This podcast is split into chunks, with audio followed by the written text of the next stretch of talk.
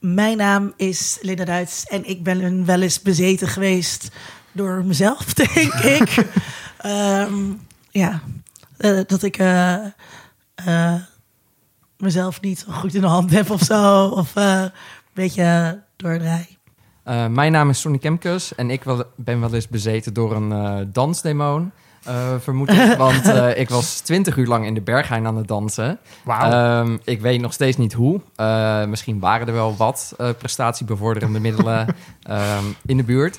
Maar eh, ja, ik weet niet hoe ik dat volgehouden heb. maar zelfs dan, dat je benen niet gewoon fysiek stoppen op een gegeven Op een moment, gegeven moment best knap. mo- was het 10 minuten dansen, eh 30 minuten pauze. Maar ik heb het wel volgehouden en eh, ik weet nog steeds niet hoe. Maar het was een geweldige eh, nacht slash ochtend slash middag. Eh, mijn naam is Julius Koetsier en ik ben wel eens bezeten door eh, Nate Smith en eh, de B-52's en, eh, en muziek. Fijne muziek. Ja. Ja. Ik, ik ben eh, Tom Aalmoes en eh, ik ben wel eens bezeten door de game Civilization 6. Eh, die die verdwijnt, verschijnt één keer in de zoveel tijd op mijn laptop en dan verdwijnt een week.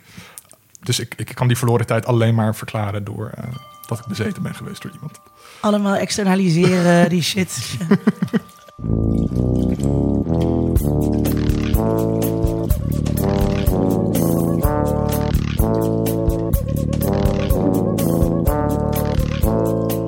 U hoorde ze al, Sonny en Julius zijn bij ons gast. Superleuk dat jullie alle- allebei er zijn. Yay. Vind ik ook. Sonny kun je kennen van film, als film- en seriekenner op Twitter. En Julius kan je ook kennen als filmkenner op Twitter. En de hoofdredacteur van Schokkend Nieuws. En je hebt laatst een film gemaakt, zag ik. Ja, oh ja. Oh ja, Die heeft gisteren gedraaid op Lab 111 inderdaad. Oh. Eh, eh, Galatea. Hij, eh, eh, hij draaide gisteren op het Dark Arts Festival in een blokje met kortjes. En ik ga hem, eh, ik ga hem nou gewoon eh, online zetten. Dus eh, je kan hem zien, Galatea. Waar gaat het over?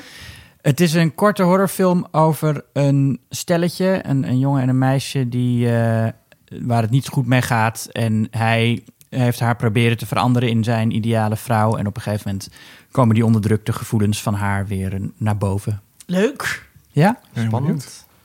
Ik vind het altijd... eh, eh, dat pro- proberen iemand naar je hand te zetten en zo, dat, kan, nou, dat werkt nooit goed. Dat Nee, nee, nee, precies. Dat is, eh, ja, ja. Het is wel, ja, het, het, is al jaren geleden dat ik die film, nou ja, ja, nee, het is letterlijk jaren geleden. Eh, nog voor de coronacrisis. En het heeft ook heel lang geduurd het, met het, het editen en zo, omdat het allemaal dingen misgingen. Dus ik, als ik hem nu terugzie, is het denk ik bij heel veel dingen van, oh, dit had ik heel anders moeten doen. Maar eh, toen ik hem zag op groot scherm, was ik best wel tevreden ook met de reactie die, het, die uit de zaal kwam. Dus eh, ja, ja. En daar heb je hier financiering voor gekregen? Eh, Sorry, eh, luisteraar, mijn stem eh, hapert een beetje. Nee, dat werd allemaal zelf eh, betaald. Wat cool. Ja. Oh, ik ben heel benieuwd. ja, ik ook. Ja. Het is binnenkort online. Ja, Eh, stuur even een linkje, dan zet ik dat in de show notes. dat zal ik doen. Ja. Ik eh, wil gelijk door naar de terugblik. En ik wil dan graag van Sonny weten wat hij de laatste tijd zo al gezien en beleefd heeft. Oeh, eh, nou volgens mij heb ik op eh Letterboxd gezien wat jullie eens gezien heeft, dus ik ben een beetje bang. Oh nee. Ehm, ik heb eh gisteren Last Night in Soho eh, gezien. oh, De nieuwe Edgar Wright. Ehm poeh. eh, Wauw. Ik vond het heel tof, maar heel raar. Maar dat hoopte ik ook. Mhm. Ehm, heel goed acteerwerk. Eh, pff, eh, een beetje Giallo-vibes. eh, de super tof gebruik van kleur. Eh, we zaten wel iets te ver vooraan. Eh, En er gebeuren heel veel dingen. Soms helemaal aan de linkerkant van het scherm... en soms helemaal aan de rechterkant. Dus ik kreeg een beetje whiplash... van steeds van de ene naar de andere kant gaan. Ehm, aan het einde ging het best wel off the rails... maar ik was al aan boord, dus eh, ik dacht... eh crash Helemaal die, die prima. hap. Eh, ja, super tof. Maar zaten wij in dezelfde zaal dan? Was het bij in, in, in, in de arena? Ik zat in, in de arena. Ja, nee, dan, dan zaten we in dezelfde zaal. oh wat Nou, toevallig. nou, dat had zo moeten zijn. Ja, ja.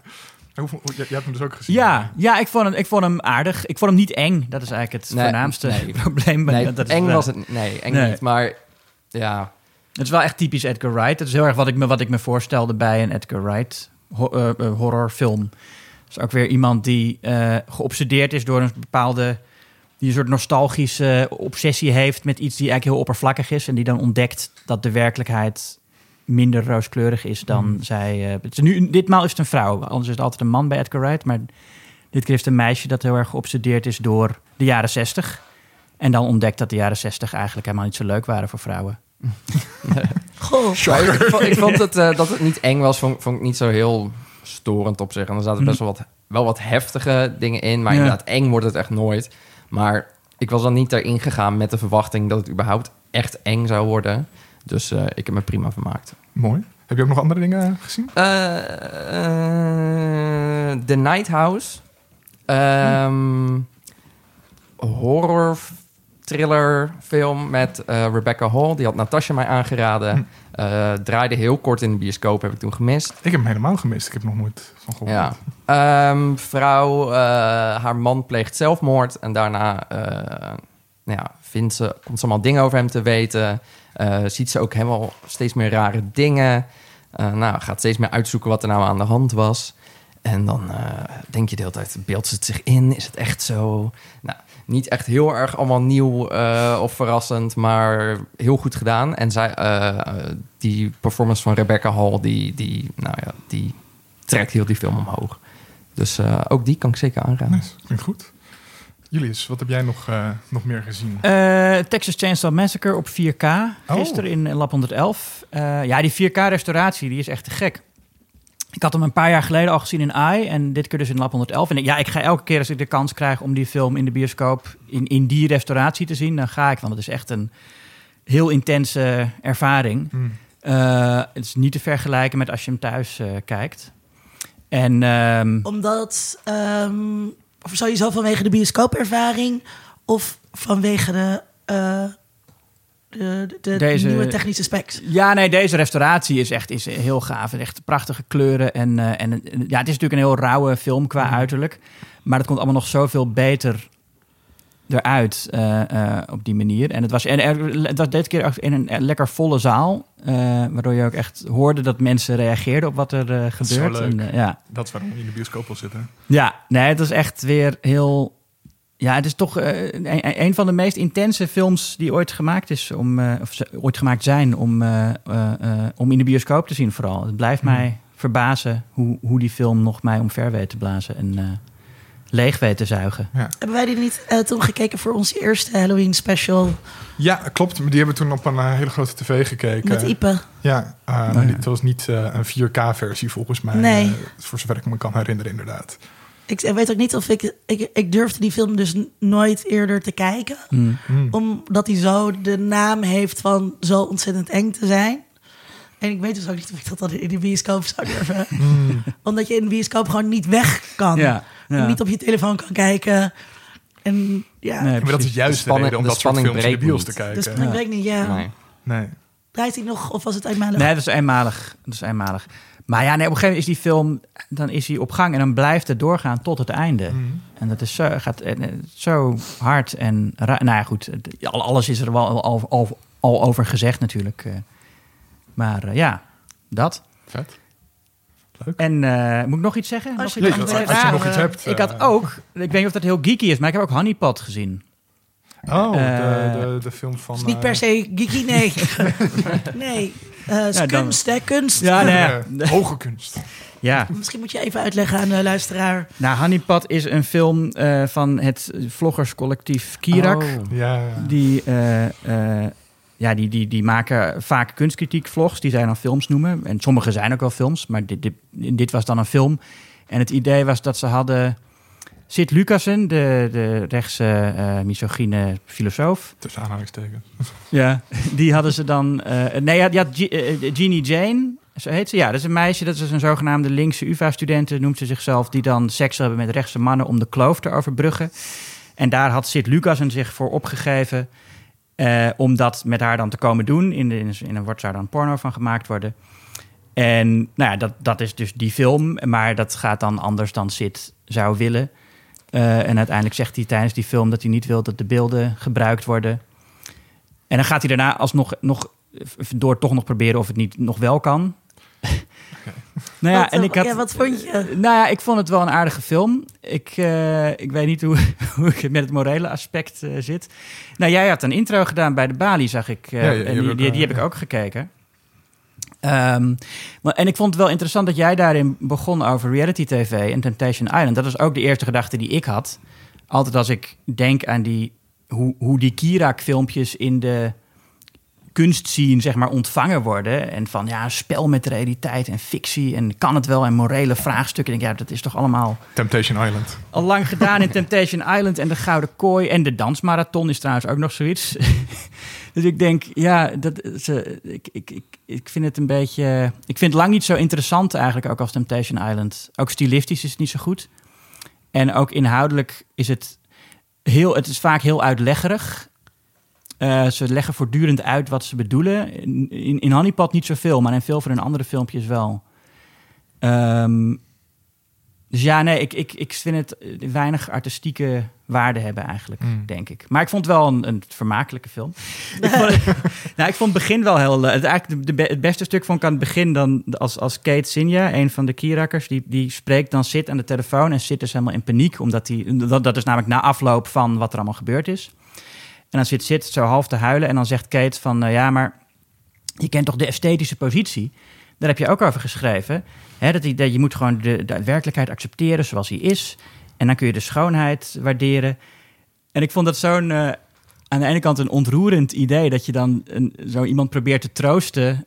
door filosofische concepten uit te gaan leggen. En dat vond ik wel... Ik vond het grappig en ook ontroerend... want ik denk dat het ook wel echt oprecht is. Dat zij denkt dat het echt zou werken of zo. En ik denk ook dat het bij mij misschien wel echt zou werken. Gewoon sta even stil bij het feit Ja. dat je afstand kan nemen van je leven Ja. als toeschouwer, dit kan ondergaan en het mooi kan vinden. Ja. ik denk dat het bij de meeste mensen helemaal niet werkt, maar bij mij wel, denk ik. Ja. Linda, Ja. j- jij hebt hem ook gezien? Ehm, ja, er was, er was natuurlijk heel veel ophef eh, eh, om, er omheen, zeg maar. Ehm, eh, nou, dus natuurlijk de film en omdat Sint Lucas zijn ehm, eh, instemming had eh, ingetrokken, Hmm. ehm, waren er allemaal rechtse mensen heel boos op dit collectief. Terwijl het collectief dus juist heel erg eh, richting die rechtse kringen eh, was gaan schuren, zeg maar. Dus die eh, eh, zaten al ehm, in de hoek van, eh, van geen stijl en daar gingen ze mee borrelen en zo. Dus hebben dat, die hoek heel erg tegen hun in het harnas eh, gejaagd. Mensen die normaal gesproken de ridders van het vrije woord zijn, die nu in één keer zeiden: dit gaat de grenzen van het fatsoen te buiten. Dat je denkt: Oh, dat gebeurt echt nooit. Nee. Ja, dus dat, dus het legde die hypocrisie heel mooi bloot. Vervolgens hebben ze bij de eerste screening ehm, eh, Julian Anderweg, de, de kunstenaar die beschuldigd is Oh ja. van, ehm, eh, van verkrachting en stalking, eh, op een paard gehesen en een eh lauwerkrans eh, op, eh, op zijn hoofd gezet. Ehm, en gezegd, hij is nu uncancelled. Waarop vervolgens eh, feministische groeperingen heel boos werden. Maar dit is toch expres, dit is stoken om het stoken, dit is stoken toch? om het stoken. En daar staat ik hier ook, ook wel om bekend, Hmm. zeg maar. Ik denk dus ook niet dat het troosten was eh, wat zij daar deed. Hmm. Ehm, maar gewoon een soort van afweren. Ik vond het ook ehm, dus ook eerder pesterig dan, eh, dan iets anders. Ehm, maar ja, die feministen die werden boos. Vooral op de Bali. Dat de Bali een podium zou bieden aan ehm, de mensen die Julian Anderweg op een paard hezen. En dat daarmee de Bali ehm, geweld, seksueel geweld zou normaliseren. Wat natuurlijk ook een beetje raar is. En eh, dat legde natuurlijk weer de hypocrisie bloot. Dat die feministen helemaal niet boos waren vanwege Sint Lucas, eh, die ehm, te zien is Ja. in een film waar hij geen toestemming voor heeft gegeven. ja, maar dat waren ze ook wel, toch? Bepaalde feministen waren, ja, waren dat ook wel. bepaalde, maar zeker niet, Nee. bepaald niet allemaal. En ehm, dus ik denk dat eh Kirak daarmee geslaagd is in iets, zeg maar, in dat blootleggen. Maar het is dus heel erg uitgelokt en vooropgezet. Ja. En ehm, Het, Eh, het zijn de voorspelbare stappen. het zijn heel veel. Ja, precies. afgaan. Ja, en, en dus ik vind het ook een beetje dom ehm, dat mensen daar zo intrappen. Eh, ik denk ook, eh, als feminist moet je beter weten, want daarmee word je ook een personage in Kirok's volgende film, zeg maar. Dat, ehm, eh, ja, maar ik, ik vond het wel interessant die avond op de Bali, dat, in de Bali, dat mensen toch Ehm, er was heel veel stress voorafgaand aan die film. En mag je dit eigenlijk ook wel kijken? Is het niet hetzelfde als naar gelekte seksfilmpjes van Patricia Pai kijken en zo? En en eh, dus het was veel meer drama vooraf. En toen kwamen mensen uit die film en die zeiden, oh, was dit het? Ja. Eh, eh, dat viel nou allemaal wel mee. Ehm, ja, en het is inderdaad, het is niet een hele mooie film eh, eh, eh, qua, qua cinematografie of hoe ze dat hebben gedaan. Ehm, ja, ik ben geen kunstenaar, maar ik zou, eh, ik weet ook niks van kunst. Eh, maar wel van tv. Ja, dus daarom had ik inderdaad, dit is reality televisie. Ehm, en, en die wordt ook niet ethisch verantwoord gemaakt. En dit ook niet. Ik vond dat gewoon, ik, ja, ik, ik vond dat niet oké. En daar ging er natuurlijk ook weer een heel ding over. Ehm, en dan gaat het dus weer ook over, hè, kan je instemmen? Kan je überhaupt instemmen met zoiets? En als jij een, eh, een waiver ondertekend hebt, maar mag je dan daarna nooit meer daarop terugkomen? En dat is natuurlijk met televisie is dat heel lastig, omdat televisie gewoon heel duur is om te maken. Ehm, Dus dat is een ijzerdicht contract wat je dan krijgt van eh, je hebt het eenmaal getekend en dan weet je waar je aan toe bent. Ja, terwijl je weet dus niet waar je aan Nee. toe bent. Niet als je deel gaat nemen aan Temptation Island. Eh, en ook niet eh Sint-Lucas. En dan kan je wel zeggen, ja, eh, je had Kirak-films kunnen kijken. Of je had de voorgaande seizoenen van Temptation Island kunnen kijken. Maar daarin zie je alleen een eindproduct. En niet het productieproces. Ja. En dat, is, dat, is, dat verhult televisie. ehm, waardoor je dus niet ziet hoe jij als kandidaat in allerlei bochten geduurd wordt. En hier bij deze film, bij Honeypot, het heet ook Honeypot, hè, dus ook echt het uitlokken, zeg maar. ehm, eh, hadden zij vooraf was gewoon duidelijk dat zij hem gingen, ah, dat, dat, eh, dat Ginny hem zou gaan afwijzen en dat dat de film was. Ehm, dus hij is ook wel echt onder valse voorwenselen, heeft hij ergens mee ingestemd. Nou, maar Ginny zegt dat het niet zo was. Ginny zegt dat ze echt tijdens de opnames be- besloot dat ze er geen zin in had. Ja, dat, eh, dat eh, Dat geloof je niet. Nee, want het was al heel duidelijk dat hij dus een cadeautje mee moest nemen. En dat het cadeautje niet goed genoeg ging zijn. Dat was echt duidelijk het script. Hm. Dat dat het breekpunt was, zeg maar. Dus, ehm, maar goed, en dat is dan natuurlijk, hè, wat, dan krijg je wat is echt, wat is onecht. Ja. Ehm, ze zat in, de, ehm, eh, in een interviewprogramma van Stella Bergsma. Wat ik niet heb gezien, maar ik begreep van Stella eh, dat. eh, want zij heeft dat gevraagd en dat, het, dat haar antwoord vaag was. Ehm, Ja. Nou, ik, ik, dat heb, nou ik, heb, opvalt of niet. ik, Ja. ik heb dat wel gehoord. en da- daar valt, valt en staat natuurlijk best wel veel mee. Ja. Nou, ik heb het wel gehoord. Ik vond het helemaal niet zo vaag. Ze zei echt daar van... nee, ik, ik heb pas tijdens die opnames besloten ik dat ik het niet wilde... omdat hij een, een ploert was. Dat is wat ik van haar begreep in, in dat... eh, Ja, maar dat dat- wist zij dat- toch ook van tevoren? Ik wilde net zeggen. Nou, dat- nee, nee, want, nee, dat is, nee, want ze heeft seks met, met veel extremere mensen nog. Eh, Ja, maar, want, maar dan is het... Ja, we gaan nu Nou ja, misschien nou ja, die filmen, maar... dat- Ja, hij, hij neemt chocolaatjes voor haar mee. En dan Ja. gaat zij, oh, chocolaatjes, wat een stom cadeau. En dan zegt zij, wil je een chocolaatje? En dan later wordt ze boos dat hij het eerste chocolaatje had gepakt. Ja. Weet je, dat, ja, voelt een beetje als zoeken. ja, ik- het voelt gewoon eigenlijk heel kinderachtig. ja. ja. Ja, maar goed, het, is, ja, het, is, ja, het, is wel, ja, ja. het is wel een conversation piece. Zoals Ja, blijkt. maar ja, maar, ja, nee, dat blijkt. Ja, misschien had ik er ook niet over moeten beginnen dan. Nee, nee, maar het, Ja, maar het, het stomme is, het is, ze zeggen dan van, oh, maar dat, ja, dat is inderdaad de conversation. Maar ja, dat is ook alleen maar omdat we hier nu met, met in een soort intellectuele bubbel zitten. ik bedoel, in, in de samenleving gaat het hier natuurlijk niet. Daar hebben ze het wel over Temptation Island, Ja, maar niet over dit. En hebben ze het ook Weet wel over... Sint-Lucas is. Nee, en ze weten ook niet wie Julian Anderweg is. Ze weten wel wie eh, eh, eh, Bilal Wahib is, die ook onlangs weer eh, als verrassing verscheen in Paradiso tijdens een optreden. Nee. En dat was een echt oprechte poging tot een cancelen. En dat vind ik dan veel interessanter, want dat is... Cancel culture bestaat niet, mensen. We, ze- we Ja. zeggen het nog maar. Nee, oké, maar... Maar nee, maar dat vind ik dan veel interessanter. Want dat was echt, dat was echt Chri- Chris Cross, de DJ-trio, had Bilal Wahib weer uitgenodigd. En wilde hem weer, nou ja, weer terug eh, eh, het podium op hebben. En dat was gewoon oprecht. Dat was niet een, een poging om... Om een reactie uit te lokken. Ja. Dat is gewoon, ah, die Bilal die kan wel weer. Ja, en dat is dan veel interessanter, omdat je weet dat het uit een echte plek komt. Ja. Goed, genoeg Nou ja. over honeypot en dit soort debatten. Eh, Linda, jij hebt popcultuur gezien. Eh, ja, ik heb ook dingen gezien. Wacht, ik moet even mijn aantekeningen erbij pakken. Ehm, ik heb gekeken naar Squid Game. Eh, Oh, maar ik ja. weet niet of we het daar al, überhaupt al over gehad hadden. Volgens mij... Niet echt. Want Niet ik echt. had hem ook opgeschreven, maar ik twijfelde. Ja, nee, maar Gewoon, we maken een popcultuurpodcast en we staan even niet stil bij de populairste serie van de afgelopen maand. Ja, dus, ehm, eh, dus ik dacht... Sorry, nou, luisteraar. Ja, doen we die, doen we, nou, daar kunnen we het misschien met z'n allen wel even over eh, hebben. Ik ehm, eh, vond het echt eh, voldoende spannend Mhm. eh, in, de, in, de, in de opbouw.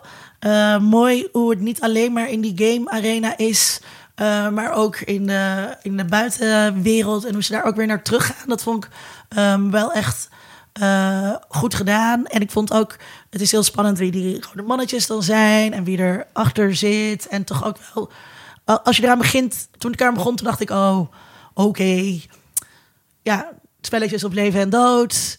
Eh, dan blijft er eentje over. Dit kan nooit zo boeiend zijn, maar daar was ik dus echt eh, door verrast. En eh, ja, ik vond het een mooi commentaar ook op het ontbreken van eh, een verzorgingsstaat Eh, of, of van, een, eh, van een vangnet. Mhm. Jullie? Eh, ik vond het oké. Oké. Ik eh, snap de hype wel een beetje. En ik vond het ook in het begin heel goed. Zeker de eerste vijf afleveringen. En vanaf aflevering zes of tot en met aflevering zes. Ik weet het even, het is alweer even geleden nu. eh, stort het wat mij betreft volledig in. Eh, En vijf is die met eh, de knikkers. Ja, En dan Die zes goed. komen de buitenlanders, Maar dan komen de denk je- Zodra de buitenlanders komen, eh, was voor mij de, de, de spanning als Het had weg. Het eigenlijk, opeens zes, eh, had eigenlijk zes afleveringen moeten zijn. Ja, het werd opeens iets anders. Eh, opeens ging het heel geforceerd bepaalde kanten op. Ehm, ja, het boeide me eigenlijk niet zoveel meer. En eh, dat vond ik heel jammer. Ja. En eh, ik was nog op zoek naar misschien een diepere laag of iets van nog iets wat erachter zat of zo. Nou, dat was er ook allemaal niet. En toen was ik eigenlijk een beetje teleurgesteld. En toen dacht ik, waarom had nie- niemand het over Alice in Borderland, Japanse serie die op Netflix staat, toen dat uitkwam? Ook een beetje dit concept, maar dat, dat gaat over mensen die in een, opeens een soort alternatieve wereld zitten en naast de spellen ook nog moeten ontdekken wat er allemaal aan de wat is er eigenlijk nog allemaal aan de hand? Veel meer mysterie. Hmm. eh, wat een veel Wat betere nu, serie nu een beetje is. werd gedaan door de detective. Die Ja. dan ja, als een soort van met- side waar- plot... Wat ook nergens naar... Oh, Nee. eh, ik dat weet een beetje dood. Kun je Nee, dat ik- spoilen? Ik zou hem niet, ik zou Nee. deze niet spoilen. Wat, wat mij een onbevredigend eh, Nou, ding gaf on- voor dit seizoen. Onuitgewerkt, vond ik Onuitgewerkt, dat er. ja. Ja. Bepaalde plotlijntjes eh, gingen niet de kant op die ik hoopte dat ze opgingen. Zal ik het zo vaak Klopt. houden? Ja. Ik, eh, ik durf bijna niet te zeggen, ik heb het niet gezien. En ik heb dat nog nooit op Twitter gezegd, dat ik het niet heb gezien. Ja, ik denk dat je daar voorzichtig mee moet zijn. Dit is wel ook een, ook een beetje dat je, dat je ervoor uitkomt hier in de podcast, vind ik heel Nee, maar dat vind, Maar ik vind het ook zoiets van, waarom, waarom moet je nee, helemaal zien? niet. Nee, nee, eh, eh, eh, nee gewoon. de- nee, ik kijk niet zoveel series ook. Ik vind. eh, Het is ook grappig, vond ik net dat Tom Sonny introduceerde als serie- en filmkenner. En jou als filmkenner. Ja, nee, ik, ja, nee ik, ik volg inderdaad. eh, eh, ja, nee, ik, ik, en het is niet dat ik per se iets tegen series heb. Als ik er een kijk, vind ik het vaak heel leuk. Maar ik heb gewoon altijd moeite met die investering beginnen. Hmm. En, ehm, maar ja, Om, om die zeven uur te gaan kijken. ja, precies. Maar ik geloof wel dat ik de enige persoon ben die Squid Game niet gezien heeft. En dat niet vertelt op Twitter. Ja, dat denk ik ook. Dat, ja. eh, dit is de eerste keer dat ik ervoor uitkom. En, en ik ga het ook nooit meer. ik ga het ook nooit meer zeggen nu. Ja, wij gaan jullie gewoon outen natuurlijk. ja, dat schrijf ik wel even op. Jij toch? Eh, ik vond hem eh, eh, best wel goed, maar ik ben het inderdaad wel met Sonny eens dat hij aan het einde een beetje inzakt. Ik vond vijf echt de sterkste aflevering. Ja. Eh, de aflevering met de knikkers. Ehm, maar dan is ook eigenlijk alles wel... Dan heeft de serie alles gedaan wat hij wil doen, denk ik. Dan Ja, en- is oh, er maar- een klassenkritiek neergezet. Het is emotioneel zwaar geweest. Het is emotioneel mooi geweest. Eigenlijk is alles soort van thematisch en emotioneel is afgewerkt. Maar alleen het plot moet dan nog eventjes afgerafd En dan, worden. zonder te spoilen, is er een twist op het einde... die eigenlijk de andere afleveringen minder goed maakt. Ja, En daar kon ik... dus ik was al niet zo blij. En dat maakte het dan nog erger. En dan toen dacht ik van... Nou, en dan de nu is het dan eh, met terugwerkende kracht. Ook eh, de aflevering die ik wel goed minder. Ja, dat is nogmaals, altijd, ik snap de hype wel. Maar het is eh, wat mij betreft nogal overrated. maar dat is altijd zonde. En Dat kan je wel bij televisieseries gewoon heel erg hebben. Zie ook Game of Thrones, waar Mhm. gewoon het laatste seizoen voor mij mijn hele tien jaar Maar investering. dat was bij iedereen zo, toch? Ja. heeft Dat is een zeg maar. collectieve ervaring. En, zeg maar de eh, culturele significantie ook teniet heeft gedaan. Daarna hoorde ook niemand meer over Game of Thrones. Ehm, ik vond wat ik bij Squid Game... ehm, waarom ik, ik was niet per se aangetrokken, maar ik moest natuurlijk wel kijken. Maar ook omdat er dus ook allerlei morele panieken zijn over kinderen Oh god, die ja. die spelletjes naspelen. Waarbij je zit, nee, ja, kinderen spelen niet zozeer eh eh Annemarieke Koekoek. Eh, eh, nou, dat is sowieso een kinderspel. Ja. En, dat is, maar, en dat dat dan gevaarlijk zou zijn. Dus dat, Maar dan spelen ze Anne- Anne-Maria Koekoek en dan doen ze na een vingerpistooltje naar je hoofd en zeggen ze bang. ja, en, maar, en dat, maar ik, vind, nou, ik verbaas me dan dus ook toch weer over dat er dus serieus mensen zijn in eh 2021 die nog een hype rondom kinderrages gaan bedenken. Dat is het, ja. Het zijn dezelfde mensen die videogames nog steeds gevaarlijk vinden. Dus ja, Ja. dat gaat nooit weg, denk ik. Maar ze zijn zo gewelddadig en misschien... misschien Oh, dat ja, van die doen. mensen die allemaal boos werden... omdat een achtjarige kind naar Squid Game zat te kijken. Ik denk van ja, waarom laat je het aan je hand. kind zien? Het is geen kinderserie. Wat is er mis met jullie? Maar ik vind dat je als kind, nou, het, is heel bloederig of zo. Maar ehm, het, het hele idee dat je neer, ik denk het, dat hele idee dat je dan niet afgeknald wordt eh, als je beweegt. Voor kinderen is dat helemaal niet zo gek, want kinderen spelen dat na of zo. Of dat ik denk dat dat in die Je bent af fantasiewereld. is wel heel heftig. Ja, maar dat ehm, eh, in hun hoofd gebeurt dat dan toch ook of zo. Ja. dus ik, ik denk dat dat als kind minder heftig is dan. ehm, Iedereen laat je De kinderen naar Exorcist. Squid Game kijken, zegt Linda. Ja, ja, ja, ik heb, je moet ook niet naar mij luisteren. Nee. Volgens mij hebben kinderen sowieso vaak gewelddadige fantasieën. Ook zonder invloed van films en series. Ja, kinderen Ja, zijn precies, wel maar- maar ja, kinderen zijn gewoon evil best. Ja, ik heb heel Pam, veel je bent Lego af. poppetjes eh, gemarteld vroeger. Ja. En op creatieve manieren die ik niet uit films haalde. Nee, dat doe ik gewoon helemaal zelf. Ja. Ehm, ehm, nu je het toch zegt. Ik heb ook gekeken naar ehm, Lego Star Wars Terrifying Tales. Ehm, eh, Halloween eigenlijk als aanleiding om eh, leuke dingen te doen met personages waar je veel van houdt. Dus met Star Wars personages. Ehm, het, eh, het zijn allemaal korte verhalen die een beetje aan elkaar zijn gegoten. Echt lekkere onzin. En nul pretentie ook. En wat ik zo leuk vind aan die Lego, net als Lego Batman en zo, dat het echt het idee erachter is dat er kinderen aan het spelen zijn met Lego poppetjes. En dat zij deze verhalen bedenken. Dus het is ook gewoon ehm, buiten eh, alles eh, wat, eh, wat kanon is of zo. Ja. Ja. Maar dus dat je echt zo denkt, oh ja, dit zou een kind kunnen bedenken. Dus ehm, misschien zet dat ook wel aan tot creativiteit of zo. Om dan kinderen zelf daarmee te laten spelen. Ehm, uit de Halloween collectie op Disney. Eh, en dan mag ik nog een derde Ja misschien. hoor, gooi er maar in. Ehm, eh, ik was naar Anne Plus Oh ja. eh, vanochtend Oh ja. eindelijk. En ik vond het heel fijn. Ik heb echt de ogen uit mijn kop gehaald. Oh. Het is heel... ehm, echt baanbrekend.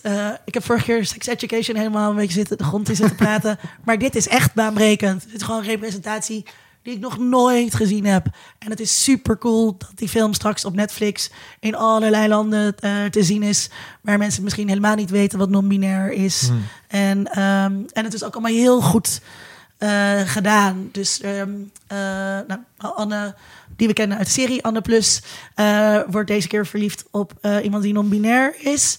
En dan gaat het ook helemaal niet over hun struggle met gender of zo. Mhm. Dat is gewoon niet wat centraal staat. Dus dat, dat alleen al is heel mooi. Er zitten hele geile seksscènes eh, eh, in. Het is heel herkenbaar. Het is Amsterdam porno. Het is heel lief. Eh, en ehm, gaat dat zien en ga hem in de bioscoop eh, kijken. Want ehm, daarmee eer je eh, de makers. Ja, dat wil ik heel graag, maar hij draait een beetje op hele moeilijke tijden. Ja, ik was vanochtend om 11 uur in Dal. Ja. Wat? Ik, ik, wil, ik wilde morgen gaan, maar ik eh, moet in Rotterdam zijn, dus ik ga het niet redden qua tijd. Hmm. En verder draait hij de hele week niet meer in de avond, dus eh, jammer. Oh, ik dacht donderdagavond. Mm, ja, om half zes of zo. Hmm, ja, nou ja, dat, dat weet ik ook. Iets om na de aflevering uit te zoeken. Dat is wel echt, ik, ik denk dat ik, ik nog nooit zoveel soort van lof van jou heb gehoord over een film in deze, eh, deze podcast. Ja, maar ik vond het echt. eh, eh, maar ik ben ook heel. Ik vind die serie ook echt heel vet. Hmm. En ehm, mm, ja, het helpt misschien ook wel dat ik die mensen eh, wel eens ontmoet heb en zo. En dat het. eh, en dat je, dat, je, dat, ja, dat je gewoon. Ik ben gewoon heel blij dat dit bestaat. Hmm. Dat dit eh, gemaakt is en eh, dat dat er is. Ja. Ja. Leuk. ja. Ja, nee. Niet lullig bedoeld, maar, maar leuk. Zeg ik eens een keer iets aardigs. Dat bedoel ik oprecht. Ehm, zelf ben ik eh, naar The French Dispatch geweest. Een nieuwe Wes Anderson film. Oh. Of serie van korte films die een beetje aan elkaar geplakt zijn met een verhaaltje eromheen. Eh, want het zijn dus drie verhalen van een tijdschrift die niet de New Yorker is, maar wel de New Yorker is. Maar ze doen alsof het niet de New Yorker is. Ehm, en het idee dat je dan drie verhalen van drie journalisten van dat blad eh, te zien krijgt. En dat speelt zich allemaal af in een soort van super eh, Amerikaans idee van wat een Frans stadje ergens in de jaren zestig geweest zou zijn. dus je hebt studenten die eh, protesteren. En je hebt een chefkok die hele bijzondere dingen doet. En je hebt een kunstenaar die in een gevangenis zit en daar de prachtigste kunst van de wereld maakt. Ehm, en het is heel leuk, maar ik vind het eigenlijk tot nu toe wel zijn zwakste film. Oeh. Ja, maar en dan is het nog steeds voor. Ik ben best wel fan van Eh. Wes Anderson. Dus het is nog steeds. Ik vind het geen slechte film. Maar ik vind het gewoon de minste Wes Anderson film die hij tot nu toe gemaakt heeft. Omdat het dus drie korte verhaaltjes zijn die dus niet de emotionele diepgang hebben, omdat ze niet zoveel Hmm. tijd hebben. En ja, het zijn gewoon echt korte films. En waar plaats jij Waar zet jij dan Bottle Rocket bijvoorbeeld? Ehm, dat is een tijdje terug dat ik die gezien heb trouwens. Maar Bottle Rocket vond ik hartstikke leuk. Oké. Ja, dan weet ik of wij qua Wes Anderson een beetje in dezelfde hoek zitten. Ik ga er Ja. morgen naartoe. Ik ben heel benieuwd. Ja, ik bedoel, het is nog steeds goed. je, hebt, Eh. je hebt een gigantische sterrencast eh, die, Ja. die allemaal echt het heel erg goed doet. Eh, maar ja, het is gewoon, ja, die, die- het, is, het zijn drie korte films. Ja. Ik, ehm, we hebben natuurlijk een aflevering gemaakt over Wes Anderson films. En ik, toen we daar klaar mee waren... eh, en dus al die films achter elkaar hadden gekeken... en zo ontzettend die eh, stijl eh, ge, ge, eh, on- ontleed hadden... toen dacht ik al, oh-oh. Oh nee, nu heb je het voor jezelf verpest? Ja, heb je niet ook Nooit dat meer. misschien een beetje? Nee, ik vind dat heerlijk. Ik vind het fantastisch. Het is nog steeds, het is smullen. Elk shot is, is, is een soort van. ehm, het, het zijn allemaal sets. Het is allemaal nep. Maar er zit ook een soort van een gek perspectief in. De achtergrond is heel erg naar voren, omdat het heel erg duidelijk gewoon een achtergrond is op een set. En hij probeert niet de onechtheid van die wereld te verbergen. Alles is, je zit in een film. Je zit naar een film te kijken, dit is nep. En daar, daar hadden we het al over. Dat doet hij eigenlijk in al zijn films. Of tenminste, hoe verder die vordert, hoe meer hij dat begint te doen. Ja. Uh, en dit is wel echt het toppunt daarvan. En ik vind dat echt fantastisch. Ik vind dat super leuk gedaan. Dus uh, uh, als je van dat soort dingen houdt, ga je gewoon naartoe. Want het is, ja, het is prachtig Ja. gemaakt. Nou, daar hou ik wel van. Maar ik, wat ik niet van hou is zijn gebruik van muziek. Mm. Ik vind dat hij altijd... Nou, in, eh, in Grand Budapest Hotel was het niet zo. Maar hij gebruikt heel vaak popnummers... om gewoon de emotie van te lenen. Weet je wel? Dan is er een zielige scène en een zielig liedje erbij. Ik denk, ja, dan, dan Nu hoef moet je dan dit voelen. je gewoon een, ja, dit. Hey. heb je gewoon een Hey. mooi nummer. Hoef je zelf helemaal geen moeite meer te doen om iets op te wekken of zo. Het is, een, Ik, eh, eh, het is een, net een drag queen die letterlijk de tekst uitbeeldt. ja, ja, dat is het. Ik bedoel, als ik kijk naar... Ik vind het heel gaaf hoe mensen als Tarantino popmuziek gebruiken... op een manier die je niet verwacht. Hmm. Weet je wel, dat je Cat People onder een scène in, in Inglourious Bastard stopt. Maar Anderson doet altijd heel saai, makkelijke keuzes, vind ik. Weet je dat me daar echt niks van bij is gebleven? Van het gebruik van popmuziek in deze film. En dat is volgens mij ook omdat het gewoon niet zoveel in zit. ook- maar het kan best kunnen zijn dat er heel veel in zit en dat ik er gewoon doorheen geluisterd Maar heb. wanneer, het speelt zich af in de jaren 60? Of? Ja, je hebt een soort van eh, een protest die een beetje een soort van 1968 voor moet stellen. Ik bedoel, het is allemaal een beetje dat, dat tijdloze halverwege de 20e eeuw. Oh, ja. ja. Ja. Maar waarom dan niet eh, Franse popliedjes? Ik weet, het niet. ik, ik weet gewoon niet meer echt wat, wat, wat voor muziek erin zit. Eh, ik heb er niet op gelet destijds. En het is me ook dus niet echt opgevallen zoals het me normaal op zou vallen. Eh, ik heb ook eh The Sandman van Neil Gaiman gelezen. Ik was een tijdje terug op een Halloween feestje en daar werd het me dronken eh, in de handen gedouwd door een vriendin van me. Louise trouwens, die hier wel eens te gast is geweest. En die zei van, dit is een van de beste dingen die ik ooit gelezen heb. Lees het alsjeblieft. En toen heb ik in mijn tas gestopt en kwam ik er de dag erna achter van, oh ja, wat leuk. Heb je nog nooit gelezen? Zo. Nee, nog nooit. Uh, en ik ben niet. echt best wel fan van, van Gaiman. Ehm, Dus ik was heel erg blij ermee. Ik heb het Ja? in een dag uitgelezen. Allemaal. Nee, nee, nee. Dus eh, ehm, het eerste... niet de eerste issue. Ik vergeet altijd met... Ja, de ik heb ze al de eerste als bundel. graphic novels. Ja, dus, ja. ja, ja. eh, dus de eerste van acht of tien van die bundels. ja. Ehm, en dat was heel erg goed. De, de, de artstyle is denk ik een van de mooiste die ik ooit in een, in een comic heb gezien. Eh, heel mooi gebruikt van allemaal verschillende media. Dus zijn het soort van foto's door elkaar gebruikt. Met eh, allemaal tekeningen en olieverschilderijen en zo. En, en allemaal vette dingen. Ehm, het gaat over ehm, soort van de personificatie van dromen. Of de god van dromen die gekidnapt wordt. Voor iets van 70 jaar. En daarmee verdwijnen dromen uit de wereld. En dat is natuurlijk niet heel goed voor mensen. Maar ook dromen in de zin van eh, eh, hoop. Dus dat, dat je iets kan dromen naar een positieve toekomst of naar een negatieve toekomst of zo. En dat dat verdwijnt en hij komt dan terug en hij moet dat dan terug zien te krijgen in zijn eigen krachten. En hij moet dat ook zelf een beetje weer zien te herpakken. En het is dus ook allemaal heel erg droomachtig. Je komt in een droomwereld en alles. En dat is dus waar al die collages eh, in komen. Dus dat het allemaal er bizar uitziet en, en over de top. En ja, het is gewoon fantastisch. En ga het lezen. Dat het En ik binnenkort komt een Netflix-serie, zeg ik. Ja. Beetje angstig. beetje ja, ik angstig. vrees er ook een beetje voor. Maar ook omdat die ene erbij betrokken is. eh, maar ik weet hem even. eh, is het, was het, eh, is het eh, Chris Terrio? Nee, wie? Is het Oh, iemand? nee. Nou ja, misschien ook Ik wel. heb geen idee wie het maakt. Ik weet Nee, ik het is zo'n Britse sterrencast wel. Ja. Maar, eh, Ja, nou, de cast ben ik, was ik heel blij mee Ja. om te zien. Maar eh, ja, ze gaan een van de latere eh, eh, eh, verhalen volgens mij doen. Season of Ja. Mists wordt het. Wat, Ja, maar dat viel me ook op dat er allemaal karakters in zat die niet in dat eerste boek zaten. ja. David S. Goyer bedoel je misschien. David Schooier, ja. Ja, nee, die is heel vervelend, vind ik. Nou, die heeft wel een paar leuke dingen gedaan, maar hij is voor, vooral vervelend. Ik vond ehm, eh, American Gods... eh, de Oh, Foundation, zie de- ik. Oh, nee. Oh, nee. Eh, de, de premisse van American Gods heel vet. En ik hou ook heel erg van Neil Gaiman. Hmm. En uiteindelijk stelde die serie met teleur of zo. Er zat er is elke keer een hele geweldige cast. En, eh, maar ik kwam maar niet... Ik werd maar niet echt meegevoerd in dat verhaal. En ik had laatst het tweede seizoen aangezet. En dat heb ik ook weer afgezet. Ik ook. Ja, dus dat is misschien ook dan je vrees voor dit. Nou ja, ik, ik bedoel, het- als, als het bronmateriaal zo goed is en de hype Hmm. ook al zo groot, in ieder geval onder iedereen die het boek eh, heeft gelezen. eh, Maar het is Ik- natuurlijk ik wel dus ook... niet.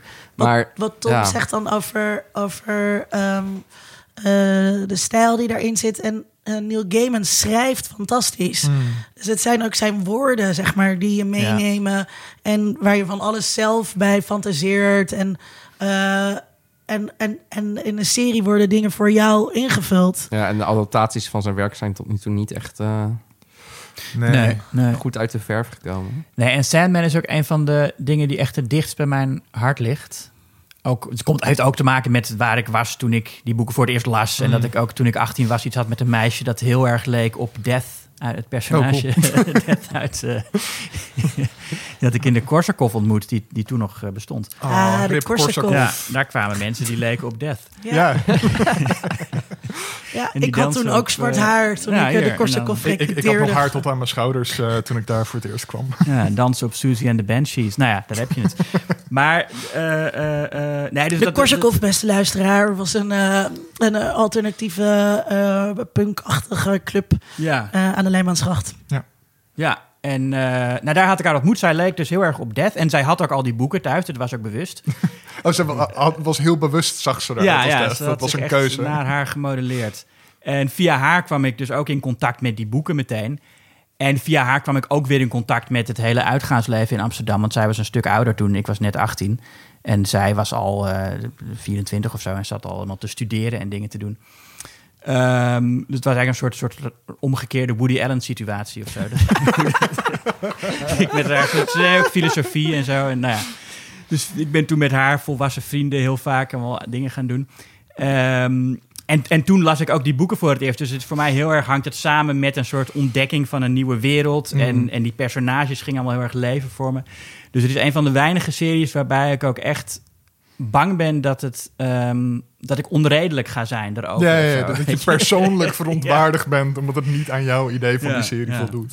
Ja, Oh, dan ben jij die persoon die ja nee, dat ben ik finally became that guy. word ik eindelijk internet. inderdaad die gast die ik altijd zo irritant vind. Ja. Ja. Goed genoeg teruggeblikt.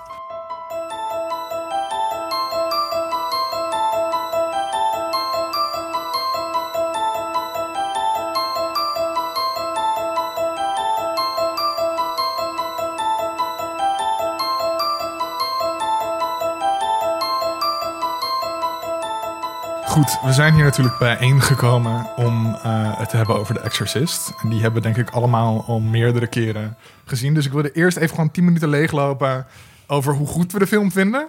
Eh, tenzij er mensen hier zijn die hem niet goed vinden en die mogen dan ook gelijk gewoon, gewoon weggaan. Eh, dan is het klaar. Wie wil beginnen? Sonny. Oké, Eh, oef, eh, ja, ik weet niet waar ik moet beginnen. hoe vaak heb je hem al gezien? Eh, oh, nou, niet eens zo vaak, denk ik. Ik denk vier keer. Misschien vijf. Oké, dat is al meer dan ik hem heb gezien. Ik heb hem toen in de... Toen Pathé hem even weer in de bioscoop had, had ik hem in de bioscoop gezien. Oh, vet. En toen... Dat was eigenlijk... Daarvoor had ik hem wel gezien, maar dan ben je toch niet zo... eh, weet je, eh, wat, een film, wat jullie zegt, op, op, in, in de bioscoop zien is toch altijd anders. En toen was ik echt blown away. Eh, en toen vorige keer, toen we The Conjuring deden, had ik, die, had ik hem weer Oh, gezien. Ja. En nu vandaag dus weer. Ja, het is gewoon de spanningsopbouw. eh, ja, echt weinig films die, die ik eng vind. Er zijn weinig films die ik eng vind. Dit vind ik eng. Eh, en, Wat vind je en er eng alles aan? is gewoon... Die opbouw van die spanning is gewoon... Ja, ik ga daar helemaal in mee. En, en de combinatie is denk ik tussen... tussen eh, alles wat gebeurt... lijkt is echt in die wereld en je gelooft dat het Mhm. echt is, hoe onwaarschijnlijk ook. En eh, het wordt steeds onwaarschijnlijker, maar toch blijf je het soort van geloven. En daardoor blijf ik er gewoon in zitten, zeg maar. Hmm. Ja, ik had dat En daarnaast nog honderd, honderd dingen, maar Ja. het is gewoon, het is echt gewoon, ja, alles werkt, Ja. volgens mij. Ik had het ook wel la- later- ja. in ieder geval. Ik, ik had het ook wel later voor in het draaiboek staan van... eh, wat maakt deze film nou eng? Want eh, er zit geen jumpscare in. Het, het bezeten meisje vond ik zelf nou ook weer niet zo griezelig. Maar ik vind het wel een enge film. Dus waar, waar, naast die spanningsopbouw, waar zit het dan? Nou, ik, in. ik, kijk, ik probeer. Ik denk ook alles wat is uitgekomen sindsdien. En ook de, als je dingen uit context ziet. En als je eh Scary Movie hebt gezien. En weet ik het allemaal. doet dat wel een beetje afbreuk aan, aan deze film. Hmm. Dus ik pro- als ik dit zie, probeer ik dat helemaal los te laten. En dat lukt best wel goed. En dan z- zit ik er gewoon echt in. Maar ja, ik weet niet. Ik denk dat mijn verhaal met Exorcist een beetje is wat heel veel mensen van mijn generatie hebben. Ik, dat, dat je hoort, je hoort in je jeugd dat het van het is de engste film ooit gemaakt. En toen ik een jaar of dertien was, was ook de nieuwe de director's cut kwam toen uit. En de, nu de engste film ooit gemaakt. En dit en ja, ik, ik Nog was, langer. Ja, ik, en ik, ik was dingen als Scream gewend. Dus ik dacht, nou, dit wordt super eng. En dan ging ik kijken. Maar ja, ik vond er toen eh, niet zoveel aan. Hmm. Maar hoe ouder ik word, hoe, hoe enger ik hem begin te vinden. Omdat ik ook ehm, misschien dichter bij de leeftijd van, eh, van Chris kom, van Ellen Burstyn's Hmm. personage. Nou, zo dicht. ben- Nee, nee, ben ik- nou, ik weet niet hoe oud ze is in die film trouwens. Maar goed, eh, dat- omdat zij de, de wanhoop van haar personage. En hoe het is heel erg in de realiteit geworteld. En hoe zij steeds wanhopiger wordt en, en haar kind verliest en zo. Dat wordt eigenlijk een steeds meer identificeerbaar eh, gevoel voor mij. Hmm. Ja, dat zat ik vor, eh, hadden we het vorige keer ook over gehad. En daarom zat ik er nu nog meer op te letten. Mm. En voelde ik dat nu ook nog meer, zeg maar. Dat gewoon, eigenlijk vanaf het moment dat ze bij die dokter komt, dat er gewoon dat het gevoel heeft: waar, waar moet ik heen? Wat, wat kunnen we de doen? machteloosheid. Wat- ja, Ja. Je, je gaat, je- omdat je zo ehm, eigenlijk eh, heel erg inderdaad met die moeder meekijkt, ehm, ga, je, ga je erin mee, of ging ik erin mee, inderdaad. Ja, het zal je maar gebeuren. Ja, ja, dat is Want het. Ja. ik, heb dat, ik heb dat sowieso als eh, eh, katholiek opgevoed iemand. Hmm. eh, heb ik, heb ik, ik heb een soort klap van de molen meegekregen. Ik heb nooit in God geloofd. Eh, God bestaat ook niet. Maar stel je voor dat het wel zo is of zo. Nou, gelukkig ben ik dan katholiek opgevoed. Eh, weet je wel? En Heb je toch maar je schuipjes op bedrogen? eh, ja, precies. En, en eh, omdat, omdat dus die mengeling er inderdaad zo is met wat toen de tijd moderne geneeskunde was, ehm, word je er echt in meegesleurd van, ja, wat nou als dat echt is en wat doe je dan of zo. Ehm, ik had ook, wat jij ook zei, Julius, ehm, ik, eh, maar niet dat het toen 2000 was, maar ik denk dat ik deze film heb gezien toen ik iets van 12, 13 was. Toen ik op een leeftijd was dat je zeg maar makkelijk films kon kijken die je eigenlijk niet mocht kijken. eh, als ouders dan een avond weg waren of zo ergens, weet je wel. En, ehm, en dat ik ook heel angstig was eh, om dit te zien. En dat komt vanwege het concept gewoon. En hoe je die film wordt ingesleurd. En ehm, Rosemary's Baby heeft dat trouwens ook. Ja. Die heeft ook uit dat dezelfde tijd, toch? ook een beetje uit dezelfde tijd. En ook met het idee, wat nou inderdaad, Ja. als je zwanger blijkt te zijn en het is gewoon eh, een duivelskind. Ja, ja Rosemary Baby was, was de eerste van dit soort. Hmm. Of, nou, niet, het Die is was altijd, voor- altijd moeilijk te zeggen, maar ja. Rosemary Baby was 68. Ah, en, en was wel de start van de, de golf, zeg maar, duivels in de echte wereld. Het idee van, de, van het oerkwaad dat dan in een moderne setting ook blijkt te bestaan. Eh, dat heeft Rosemary's Baby echt ontketend. En dat is ook wat die film griezelig maakt voor mij. Dat je dus inderdaad ook in een wereld waar gewoon dokters met rationele oplossingen zijn... en waar, waar, waar metro's rijden en zo. dat daar ook de duivel bestaat en overal is ook. Dat, dat zelfs die dakloze man die op een gegeven moment iets zegt tegen, die, eh, tegen, de, tegen de priester... en dat later herhaalt Reagan dat... Het kwaad is gewoon, in, ook in onze samenleving is nog overal het oerkwaad. Ja, Hij zegt iets van spare coin voor een old altar boy Ja. of zoiets. Ja, ja. En ja. dan denk ik meteen, oeh, oh, oh, nee, wat is er daar gebeurd? Eh, maar Ja. dat is. eh, en eh, en eh, dat. ehm, omdat je begint met eh, eh, twee aparte verhaallijnen. En dat is ook heel eh, eh, omineus. Ik weet niet wat het Nederlands woord is, maar. eh onheilspellend. Een naderende dreiging. Ja, eh, en, en eh, dus dat je de, de, de vader Damien eerst volgt. Hmm. Eh, en ook dus zijn... ehm, omdat hij niet heel devoot is... dat maakt het dus ook weer echt van... wat als we dan toch, Ja. toch die katholieke kerk nodig hebben... en als die dan toch de waarheid in pacht hadden... en, eh, en weten hoe we dit moeten aanpakken... Eh, en ik vond dus ook al die... Hè, dus dan eh, ehm, eh, komt... Ze ook weer die moeder? Chris? Chris loopt langs nonnen en dat raakt mij toch meer dan dat ik zou willen misschien. Hmm. Dat geloof is meer in die wereld daar. Of zo. Dat Dus het kwaad is overal, maar religie is er ook overal. Ja. Nou ja, en dat je dus ook, en je zit dus ook, eh, is zij nou zondig? Eh, eh, ze vloekt heel veel. Eh, ze is natuurlijk gescheiden, werkende moeder of zo, maar onvoldoende zondig om dit op zich af te roepen. Ja, dat, dat hoort Ja, want de film laat echt wel ook, doet wel echt best om haar nog echt als eh, leuke moeder te laten zien. Zeg Ja. maar. Ja. Dat ze met die dochter zo leuk bezig is en zo. Ja, het is niet een nalatige moeder die Nee. alleen maar bezig is met haar carrière. Het is niet alsof ze niet goed voor haar kind Precies. zorgt of niet voor haar kind er is of zo. Nee, is en dat met die scheiding is meer gewoon zodat die artsen een reden hebben om te zeggen... nou, misschien komt het toch daardoor. Ja, Ja, het is ook om te laten zien dat ze een moderne vrouw is, denk Ja. ik. Dat het om, Ja. om weer te benadrukken dat ook in de moderne wereld eh, de duivel nog steeds macht heeft. ja. Nou ja, en dat, Hoewel, en dat is secularisatie, wat toen natuurlijk wel gewoon heel erg speelde. ja. Eh, slecht idee zeg. ja, ik vraag me af in hoeverre... Kijk, dat- William Peter Blatty, die dit boek geschreven heeft... dat is wel echt een extreem conservatieve katholiek. Hmm. Eh, die ook allemaal anti-abortus dingen gedaan heeft en zo. Eh, maar William Friedkin, die die film maakte, niet. Dus eh, hij heeft dat wel echt in moeten perken. Maar Ja. ik, ja, ik- ik denk dat Blatty misschien wel dat soort dingen ermee bedoeld zou kunnen hebben. ja. het, het zit ook nog steeds wel Ja, in ik- de film een beetje. Ja. Ik heb de docu ook gekeken nog Mm. meteen daarna. Ja. Eh, de- deels in de metro hier naartoe. Ehm, en, maar hij eh, schreef dus de adaptatie van, eh, van zijn boek, eh, de screenplay dan. Ehm, maar dat vond Friedkin eh, echt eh, kut gewoon. Ja. Dus Wat heeft te, allemaal... re- te rally. Ja. Nou, dat zei hij niet. Nou, hij, zei heeft, niet hij, per heeft, se- hij heeft wel een paar echt uh, uitlegdialogen over het katholicisme heeft hij eruit gehaald.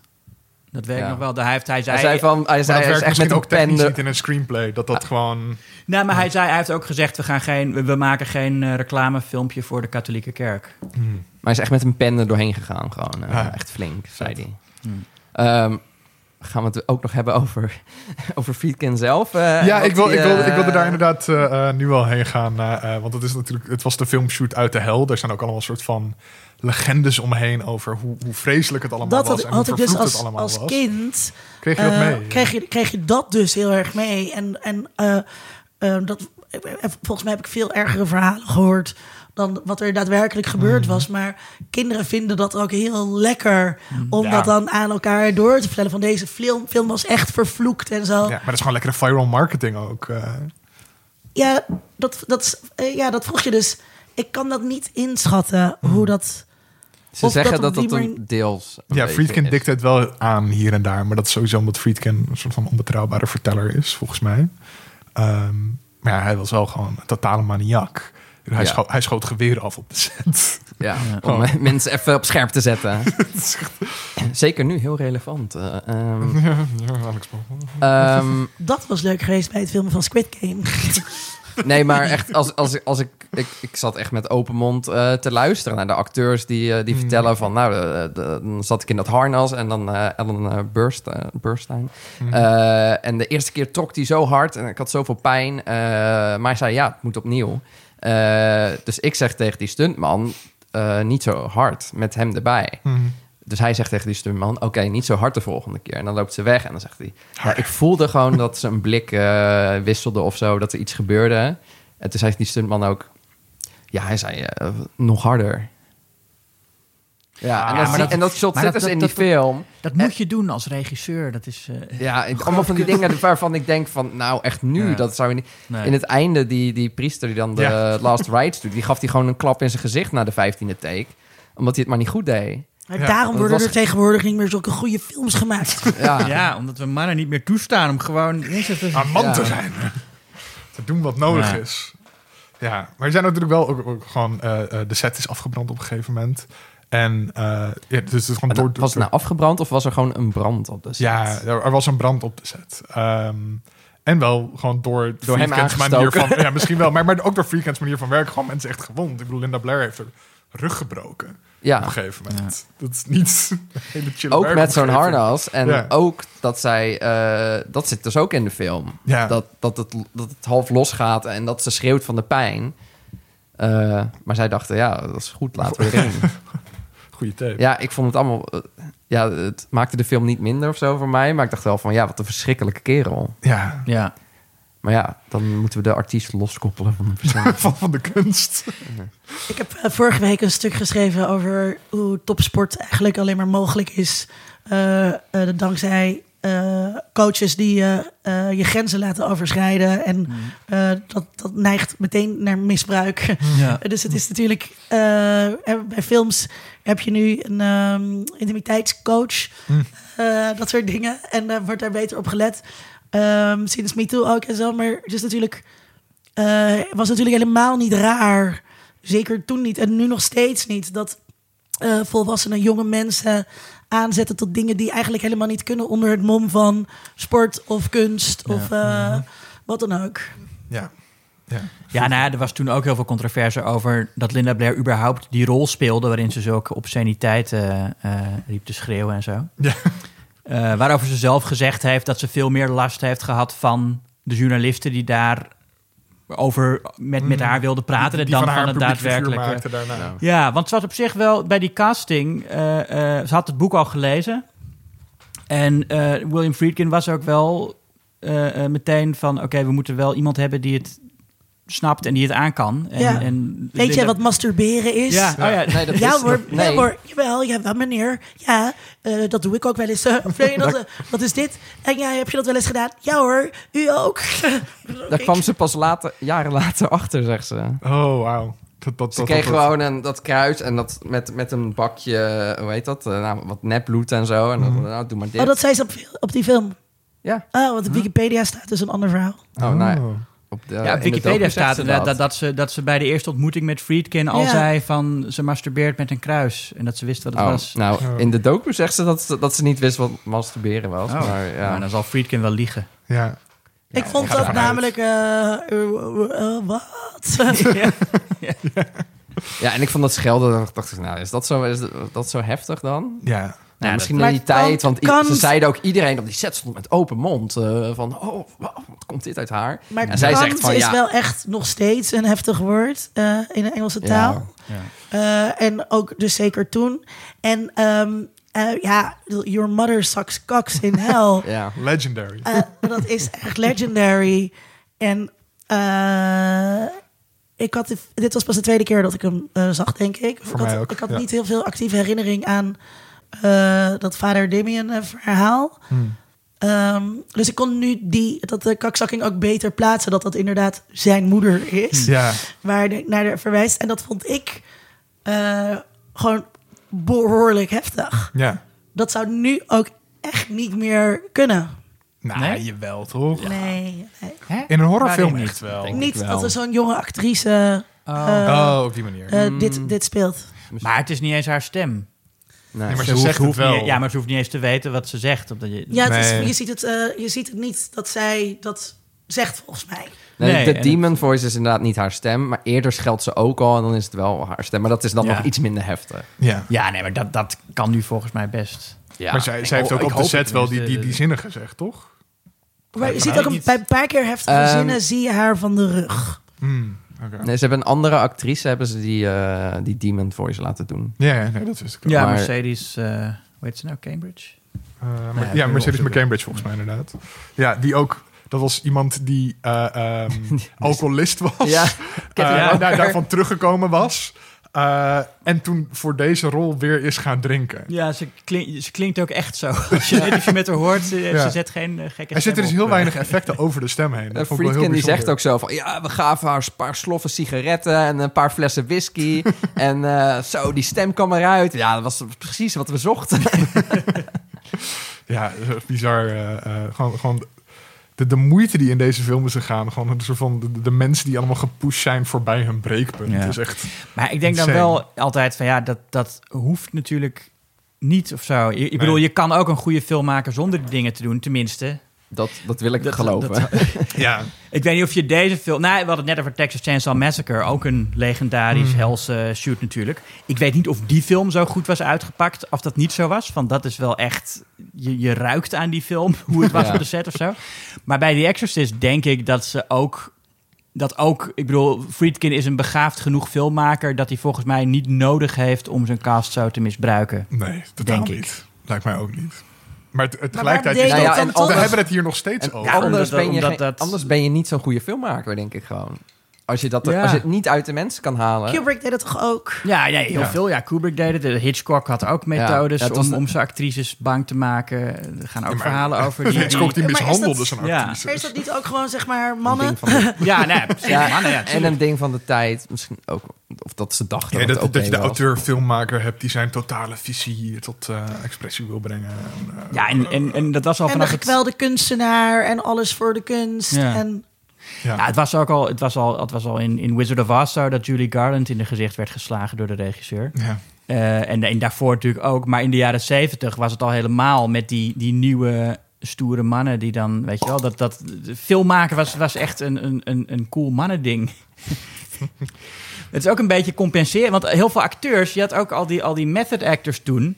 Ik denk dat er ook een beetje een soort compensatiedrang is voordat je eigenlijk eh, niet zo'n. Het is onhandig. Nou, ik- ik- er, er is een eh, poging tot wijn inschenken. Dank je. Je had toen ook die, die opkomst van die method eh, acting een beetje in, in Hollywood. Ehm, en ik denk dat het ook een soort compensatiedrang is... voordat je eigenlijk... je doet een creatief beroep. Niet heel stoer, niet heel masculien. Maar, nee, maar kijk, ik, ik, doe er, ik, ik, ga hem, ik ga echt mensen kapot maken. En dan ga ik mijn eigen lichaam helemaal kapot maken Ja, ja. ervoor. En Ik, ga push echt, eh, mezelf ja. tot, tot mijn uiterste om Dat te dat het kunnen. toch... Dat is eh, topsport. ja. Ik zie echt Christian Bale voor. nou ja, dat, ja, dat, dat dat toch, toch Dat is mannelijk totaal, is. totaal onnodig. Hij kan ook een vetsuit aandoen. Ik bedoel, Ja, maar dat is toch ook inderdaad prestige voor acteurs om ergens in hun carrière heel veel te zijn aangekomen of heel Ja. veel te zijn afgevallen. Nee, maar dat is ook wat deze film natuurlijk is. Ik bedoel, al deze verhalen om een die hele film heen zijn ook gewoon over, over de prestige. Prestige. Ja. ah, ja, ook de in. prestige. Ja, ja. Eh, ik moest ook denken, ehm, hoe vaak branden delen van de set af bij een film?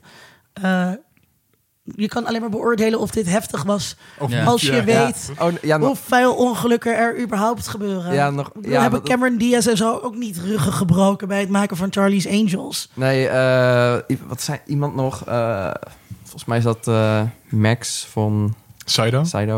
Eh, van- eh, Sidov? Sidov, ja, dat is, Sidov. als, je, Oh. als je het op zijn Zweeds wil uitspreken, is het Sidov. Wat? Ehm, nou, over die brand. eh, hij zegt, ja, sommige filmshoots duren een bepaalde tijd. Deze shoot duurde ongelooflijk lang. Hm. Dan is de statistische kans dat er dingen gebeuren. En dat er mensen overlijden, want er waren negen mensen Ja. overleden uiteindelijk. Is gewoon groter. Ja. En eh, ja, en eh, veel hij zegt... Ja, dat hele idee dat het allemaal met die film te maken heeft. En iemand zegt eh, van ja, de duivel die wil niet dat je eh, hem ontmaskert of zo. Want dan grijpt hij in. En ik denk zo, oh, eh, eh, eh, waarom Dat branden alle wat- bijbelboekenwinkels niet af dan? Dat is ook wat ik zat te denken inderdaad. Van ja. waarom zou de duivel niet willen dat deze film gemaakt is? En waarom... Want Ja. eh, Nou, katholieken waren best blij met deze film, uiteindelijk. Maar blij. hij zegt... ja, ja, maar katholieken willen ook dat je gelooft in... de duivel. in Ja. Nou, maar in ieder geval wel in eh, eh, de duivel was bij mij al een beetje uit. Maar wel in het idee van een hel. Mhm. En wel in het idee dat er, dat er eh, kwaad is in de wereld dat zich manifesteert. Ja, Ja. En dat de katholieke kerk daarvoor de oplossing is. ja, met rituelen. Dat Ja. vind ik dus ook heel grappig. Dat je dus als je woorden in de juiste volgorde uitspreekt, Ja. eh, dat, het, dat het dan verdwijnt. Maar het gaat dus ook echt om dat. Dit is, dit is misschien een beetje een sidebar. Maar het gaat echt om dat ritueel. Om, om de herhaling van de stappen. Het gaat niet om of je gelooft ja of nee. Want Kerst is van zijn geloof afgevallen. Ja. Ehm, het is ook niet Power alsof- of Christ compels. Totdat het bed begint te vliegen misschien. tot, ja, tot het Maar bed je, begint ja, te maar dat je. Ja, ziet maar- hem echt eh, Ja, in ongeloof. in ongeloof en, en, dan gaan, en dan dus weer ook gaan geloven. Ja. Maar nog één ding over de... Ja, Max van Seidhoff. Seidhoff? Sidolf. Sidolf. Sidolf. Eh, die, die called, die bullshit eigenlijk ook in die docu. Want iedereen zit echt zo van... Die Ellen Burstyn is echt zo van... Ja, nou, dat heb ik nog nooit meegemaakt. Oh, ik, ik, ik kon niet geloven. Nou, en die ene, die dochter, die was zwanger. En die baby was dood. En dit. En nou, dat was gebeurd. En hij zit echt... echt shot hem daarna. Ja, maar dat was allemaal marketing en bullshit. Maar hij heeft ook echt in dat te veel films gespeeld ondertussen Ja. om ook maar iets er. Het is ook zo'n man die nergens van onder de indruk is. Dus Nee. dat, dat, vond- dat was heerlijk ontnuchterend. Ja. Oké, laten we even eh, dit, dit stukje afsluiten over het maken van de film zelf en weer terug naar de film. Ehm, en blijven bij Van Sydow. Eh, want je ziet, de opening is met hem in Irak. En hij is dingen aan het opgraven en hij vindt dan zo'n beeldje van eh, een god waar ik nu de naam van vergeten ben. Pazuzu. Azuzu.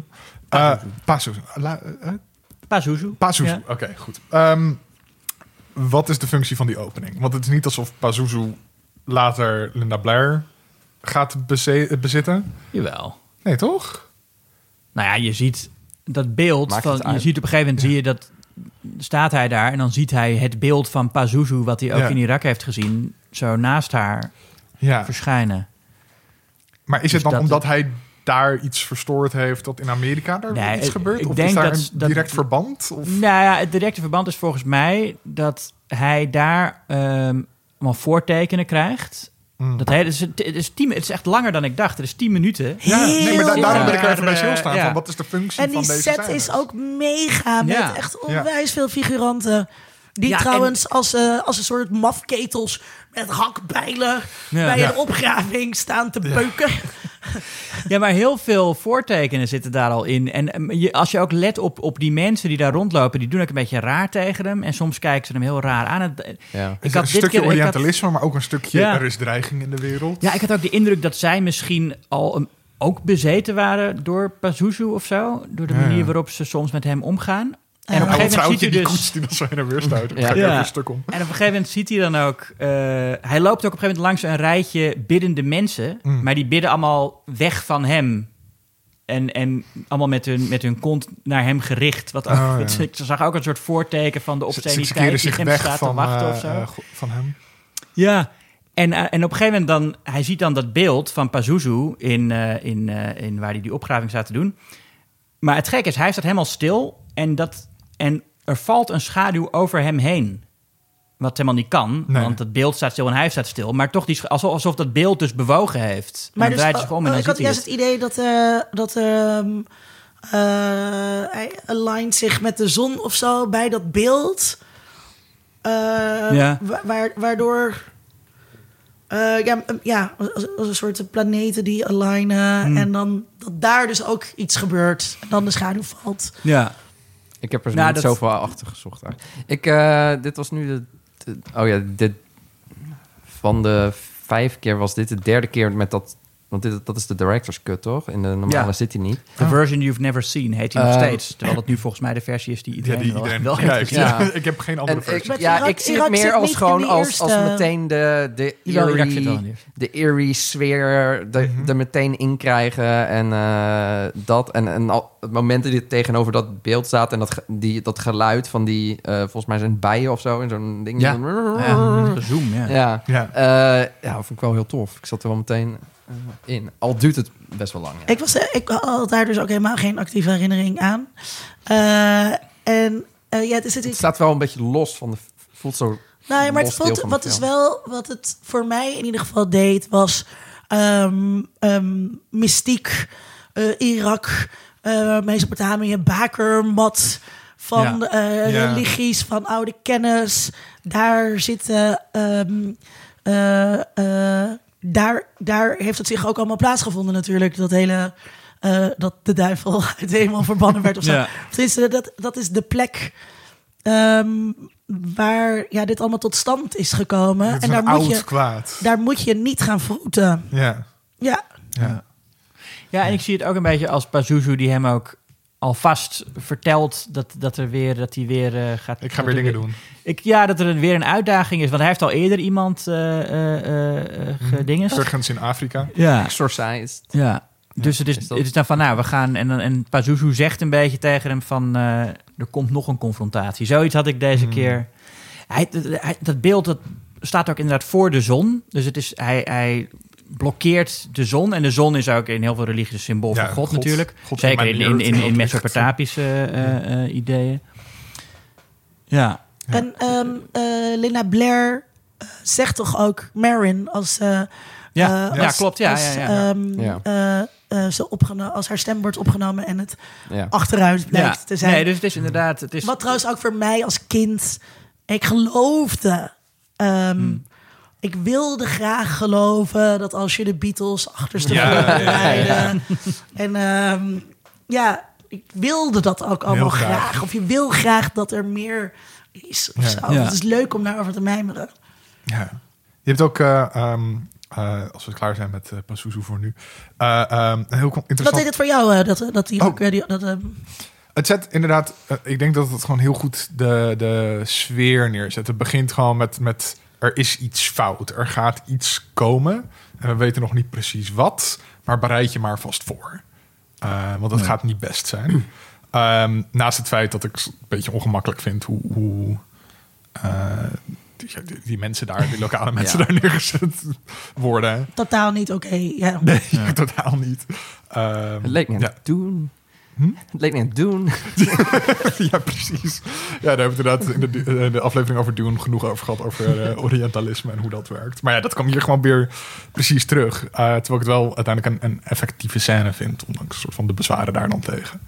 Ja, vond ik wel goed werken. Maar ik wil het ook hebben over het soort van hoe wetenschap en religie hier tegenover elkaar gezet worden. Want we hebben het al over die scène gehad met eh, de dokter. Eh, de dokters. eh, dat dat Chris dan soort van hulpeloos in een kamer zit met twintig mannen in lapjassen om haar heen. Nou, dat Ja. is de Conjuring echt over, maar nu nog niet echt, toch?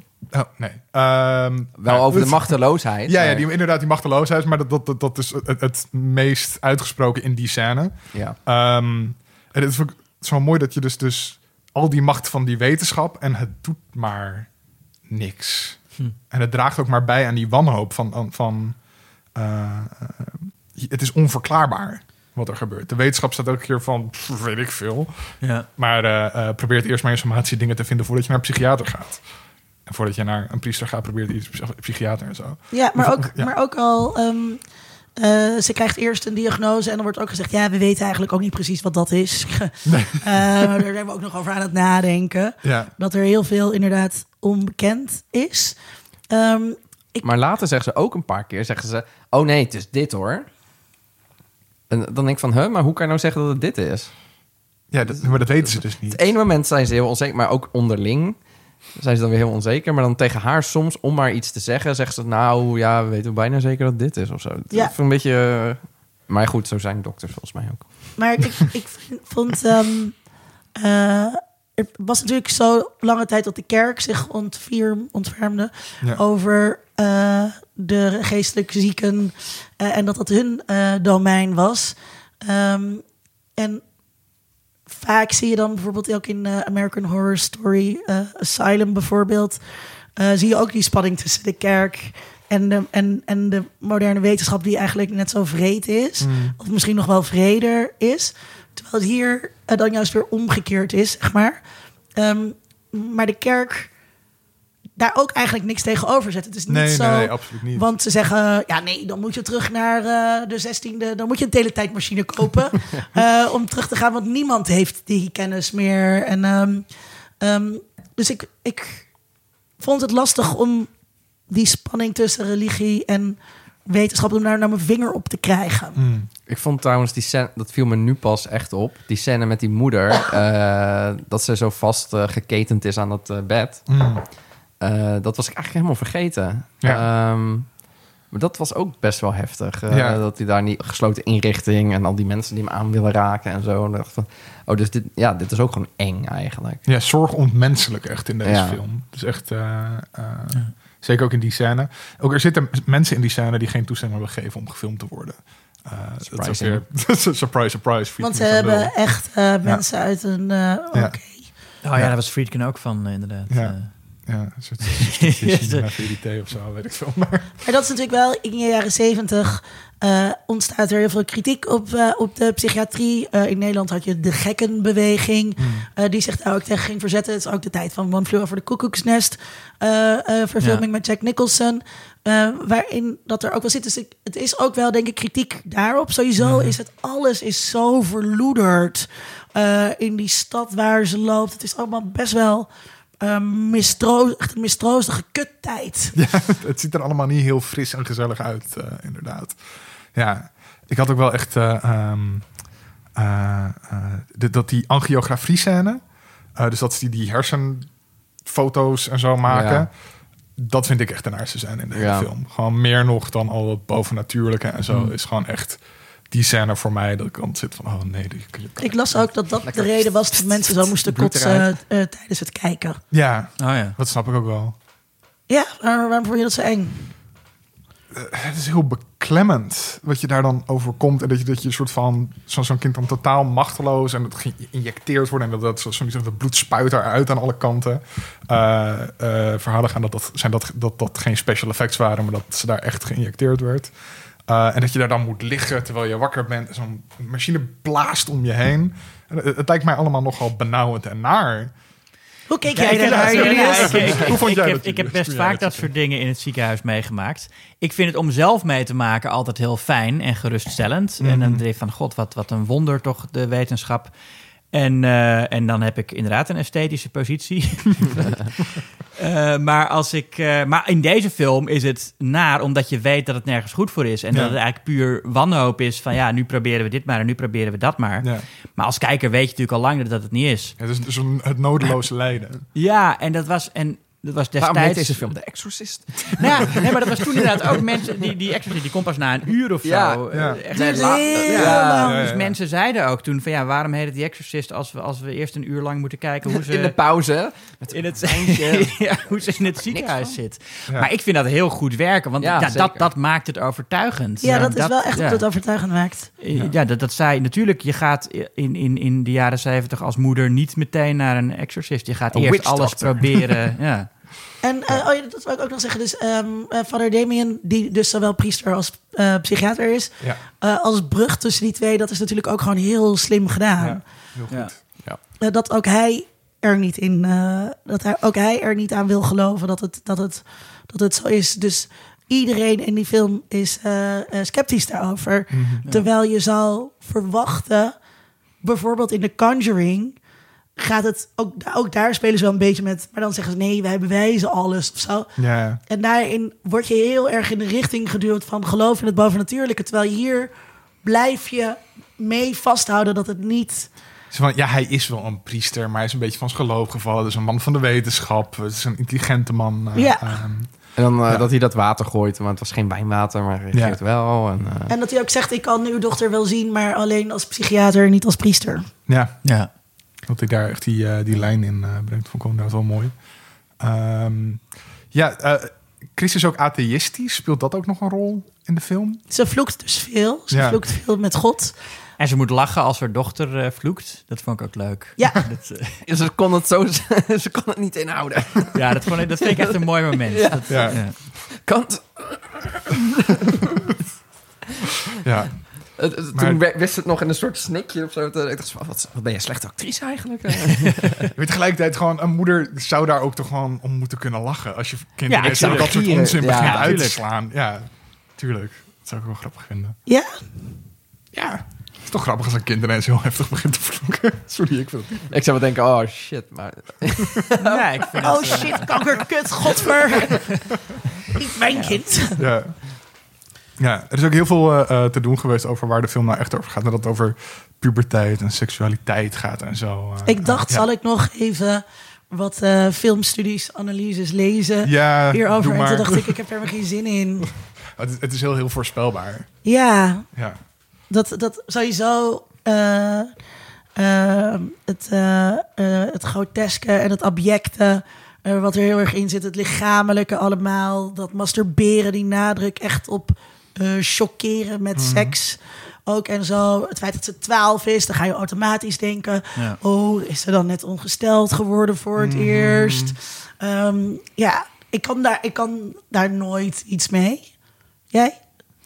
Eh, in, in dit geval niet, omdat ik het soort van een beetje aan lui. ja, is lui- ja. het, het, het ziet zoveel over het hoofd in die film qua, qua thema's en, en qua wat je er allemaal uit kan halen. Eh, dat, ik vind het heel plat. Ja, Julius? Ja. Bedoel je de, de interpretatie ervan? Ja? Omdat- interpretatie ja. van de film als in... Het gaat over puberteit of soort van ontboezemende seksualiteit of zo. Dat vind ik een, een hele flauwe manier Ja, van nou het, het, ik denk dat het vooral gaat over de angst van ouders voor Ja, daarvoor. Niet zozeer voor hoe het is als een kind, maar dat je als ouder, en wat zeker in de jaren zeventig ook wel begon te spelen van wie, wie zijn onze kinderen eigenlijk? Wie, wie zijn deze generatie pubers en, en wat voor muziek luisteren ze en wat voor, di- wat voor films kijken ze en wat voor dingen doen ze? Wat als je dochter out of control is? Ja, en, of, en of, nou, in ieder geval dat een persoon die jij kende en waar je een hele close relatie mee had, dat die ineens op een afstand begint te staan en dat je het niet meer snapt.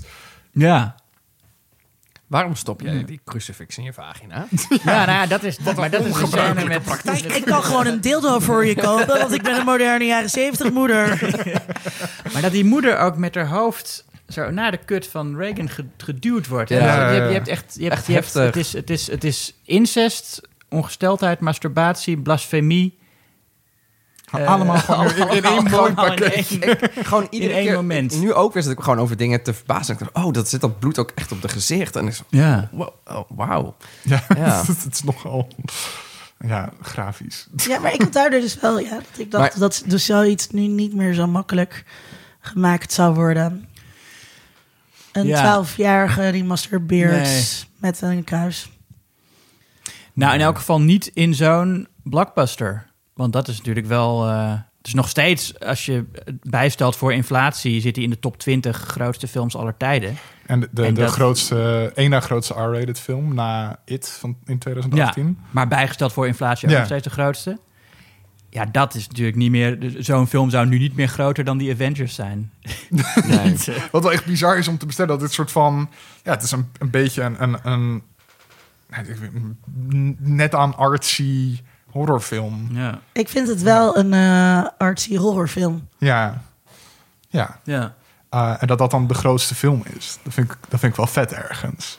dat dat in die tijd groter was dan die Avengers. Dan een soort van Maar toen had je gewoon geen- op die manier. Maar toen had je geen Avengers. en, Nee. en toen was dat soort popcultuur gewoon heel erg voorbehouden aan eh, de nerds die toen nog heel erg beschimpt werden. En, ehm, en dat, dat was niet zeg maar mainstream cultuur. Nee. Mainstream was eh, eh, Woody Allen volgens mij. Bedoel, Dat soort mensen gingen naar de film. Ja. Maar tegelijkertijd, dit, dit was dus wel zo'n groot succes dat dit dus buiten die, dat, dat filmkijkpubliek ook mensen gingen om dit te zien. Ja, maar ik denk dus dat het, omdat het de eerste, zeg maar, eh, horror was die dus wist door te breken tot dat kunstzinnige filmpubliek. En niet Ja. alleen maar tot... Dus dat En- en- high culture en low culture daar niet- samenkomen. Is het ook niet de marketing en het hele verhaal eromheen? En eh, Hmm. mensen vallen Dat flauw. En, eh, oh, nou, dat moet ik ook zien. eh. Ja. Ja, nou, ik, ik denk dat, dat, dat Rosemary's Baby de eerste horrorfilm was die meer de, de kunstliefhebbers bereid. En nou, daarvoor daar ook al Psycho van Hitchcock natuurlijk. Maar het is wel... Dit is een film die echt iedereen wist te bereiken. Want ook alle katholieken wilden er naartoe. Mhm. En, eh, en, Alle, en alle... alle satanisten. Ja, ja, ook nog. En ze hebben zelfs... Nou, op een gegeven moment ontdekten ze dat er ook een enorm zwart publiek was voor de film. Dat wisten ze eerst niet in Amerika. Ze hadden hem alleen maar in heel, in heel witte wijken in bioscopen uitgebracht. Maar toen kwamen er heel veel zwarte mensen naar die witte wijken. En dachten ze, dat moeten we niet hebben. Dus toen hebben ze de film ook in Never zwarte wijken America. in de bioscoop. eh, en wat eh, was dan de specifieke aantrekking, weet je dat? Nou ja, eh, omdat ja, in die zwarte wijken in Amerika is religie natuurlijk ook heel belangrijk. Mm. En die tijd bijgeloof. zeker, En, ja. eh, en, nou, eh, bijgeloof weet niet, maar gewoon katholicisme. Ja. Nou, maar ook gewoon uit zeg maar eh Creoolse cultuur zit natuurlijk ook heel erg eh, in voodoo dingen en eh, de duivel en ook exorcismes. Ja. ja, dat weet ik niet. Het was volgens mij vooral gewoon het katholicisme. Dat, eh, Of gemengd met een Creoolse cultuur. hm. Ja. Nou, ik denk dat het best wel eens kan. Misschien heb ik nu, hou ik nu te veel uit de Pirates of the Caribbean. Nee, ik denk dat we... Ik ben, Nee, ik, volgens ik mij denk is dat wel ja. Ja, Oké. Ehm, ja, nu we het hier toch over hebben. Van wat, wat, wat is dan... ik bedoel, Iedereen kijkt hiernaar. Wat is de impact van The Exorcist op horror geweest? Ik ben zelf geen hele grote horrorkenner. nou gelukkig hebben we een Gelukkig horrorkenner. hebben, ja, hebben we een horrorkenner aan Het heeft, tafel. het, het heeft het nog veel meer mainstream gemaakt. Want het was dus echt een enorme blockbuster. Er, was, eh, er is op YouTube een filmpje te vinden van 20 minuten of zo. Dat was, was een nieuw, nieuwsuitzending over hoe groot die film is. En dan zie je echt rijen van straten ver staan die, eh, die naar die Exorcist gaan kijken.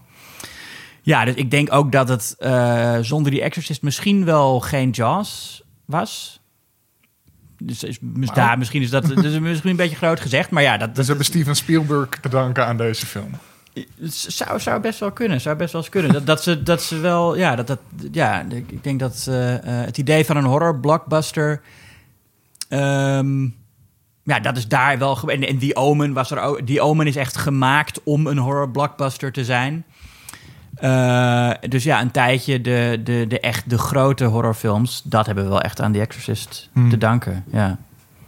Ja, bizar. Eh, het was een genre dat ja, eind jaren 60 nou, door Rosemary's Baby weer nieuw leven kreeg. Maar wat daarvoor dus ja, heel lang al nauwelijks meer iets mee gebeurde. Ik bedoel, Ja, alleen van die Hammerfilms in de jaren 50. ja, ja, die had je wel. Maar die, dat was ook al een beetje een soort zelfparodie geworden Hmm. in de jaren 70. En de klassieke monsters van Universal waren ook al lang parodieën geworden. Frankenstein en Dracula en zo. Ja.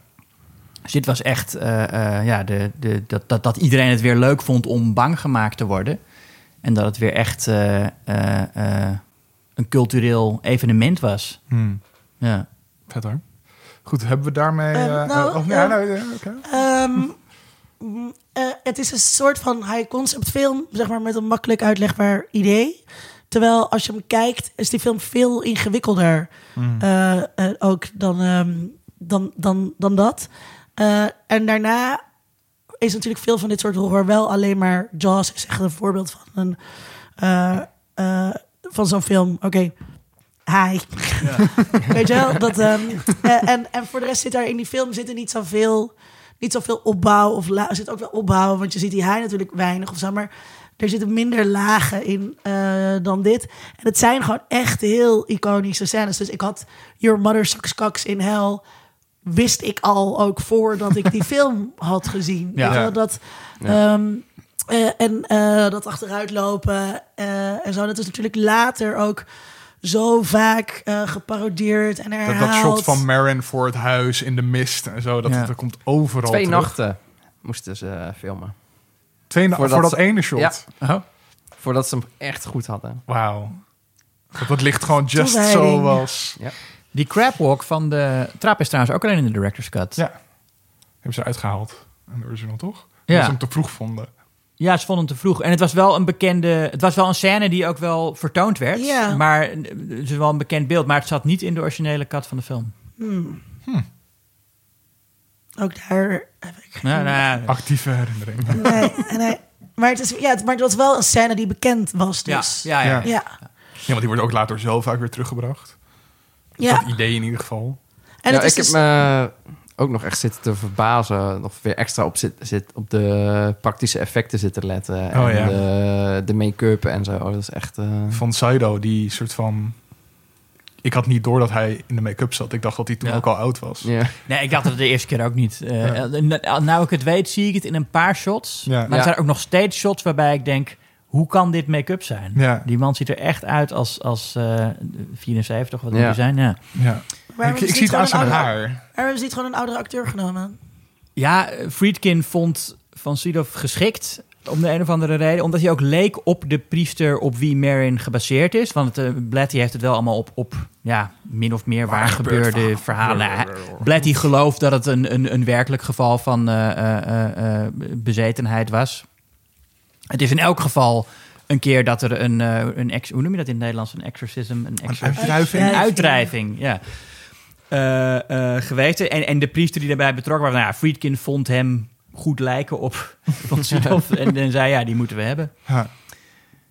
Ehm, ja, ik vind het een heel rare keuze. Om, om- hij was toen eh, eh, in de 40. Ja. Om hem dan zo op te maken, om zo uit te maken. ja, er is één Ja. shot dat me echt heel erg opviel. Het is een beetje, Wat is er een met beetje je zag het eruit. Maar bijvoorbeeld ook haar make-up, die- dan steeds... Het wordt steeds erger Ja, ja, ja. natuurlijk. En dan eh schenen ze ook zes verschillende on- ontwerpen voor te hebben. En dan niks was goed. Toen dachten ze uiteindelijk, oh, met dat kruis... dat dan de gezicht met dat Verminkt, kruis eh, heeft verminkt. En dat wordt dan een soort gangrene-achtig. En dan steeds erger. En dat... eh Ja. Ik vind het ook heel goed dat ze haar niet echt, in een, in een- up gewoon. in- niet echt in een monster veranderen, maar gewoon in een monsterlijke versie van Ja. haarzelf. Mm. Dat werkt, Ja. echt heel Ja, erg dat, lekker. dat, ze hadden eerst ook een paar monsterversies. Een soort Oh, heksachtig. nee. En dat werkte ja. echt eh, totaal niet. Oh nee, dat kan ik me echt niet voorstellen. Nee. En dat, eh, nou, gewoon dat bed en de, de, de dingen die verschuiven. En De die, die aardbeving, de erwtensoep. Ja, die ja. erwtensoep, ik vind het jammer dat, het, dat die kotsgroen is, moet Ja, ik zeggen. ook. Ja, Ja. Het, het, nu, toen ik het nu zag, was het ook wel heel dik. En het loopt er echt zo Ja. uit. En eh, dan zag je ook dat ding waar ze dat... Wat dan die actrice, die oudere actrice die ze dan voor de belichting stunts, en eh, en voor de stunts en zo Ja. hadden. Die echt heel dat ding in de, in de mond eh, doen en zo. Ja. Ik vond het ook wel irritant, maar tegelijkertijd... ehm, eh, ze kotst om te chockeren ook. Of zo. Ja. Net als dat ze al die andere Ja, dingen ja. doet. Dus als je dan gaat kotsen om te chockeren... dan ga je inderdaad projectiel eh, braken. Ja. Eh, en is het groen. Ja. En niet een beetje, zeg maar... Zoals je kotst een beetje zo geel. Maar ook dat, dat die Karras eh, die het vol, vol, vol in zijn gezicht krijgt. Dat Op was, zijn bril. Dat was dus eh, een foutje, want die stuntman had hem te hoog afgesteld, zeg maar. Hmm. Moest eigenlijk op zijn dingen. Maar toen vonden ze het eigenlijk... Hij was heel boos. Ja. Eh, en, maar zijn reactie is echt, dus Ja. dat hebben ze er Ja. ook weer ingelaten. Wat Friedkin achteraf dan ook weer omvormt naar... Nee, dat was mijn bedoeling. Ik heb Ja, inderdaad op zijn gezicht gericht... zodat hij een echte reactie Maar wat dat betreft is het denk ik ook... Ja, het is echt een lightning in the bottle, weet je. Van heel veel toevalligheden... Hmm. Eh, soms misschien eh, op eh, verkeerde wijze geforceerd. Eh, maar ja, die wel bijdragen aan iets wat gewoon eh, ja, extreem goed is. Ja. en geloofwaardig. En geloofwaardig. Ja. Ga ik daar... Moeten we het niet nog hebben over waarom dat meisje? Oh, misschien is dat inderdaad wel een goede afsluiter. Ja, om hem af te sluiten, ehm, moeten we misschien nog even hebben over waarom de duivel Reagan überhaupt bezit. Van waarom dit kleine meisje dat niks fout heeft gedaan. Dat weet je helemaal niet. Misschien lag ze wel de hele tijd te masturberen in bed. Met, met een en is dat wat de moeder aanvankelijk hoorde? Hoezo beweegt je bed zo? Ja, nee, mama. Maar ik moet het ook niet. Ehm, ik heb daar dus de hele film op zitten letten, omdat jij dat in het draaiboek had gezet. En dan, eh, wordt het gewoon eh, gevraagd. Nou, ja, dat vertel. is dus een scène die Friedkin in eerste instantie eruit wilde hebben. oh. Omdat het te uitleggerig was. Hmm. Maar oh, dat was het. nou ja, dat, dat, zij, dat op een gegeven moment zeggen ze van... eh, ze wordt bezeten. To make us despair. To see ourselves as animal and ugly and uh, iets van unworthy of the love of God.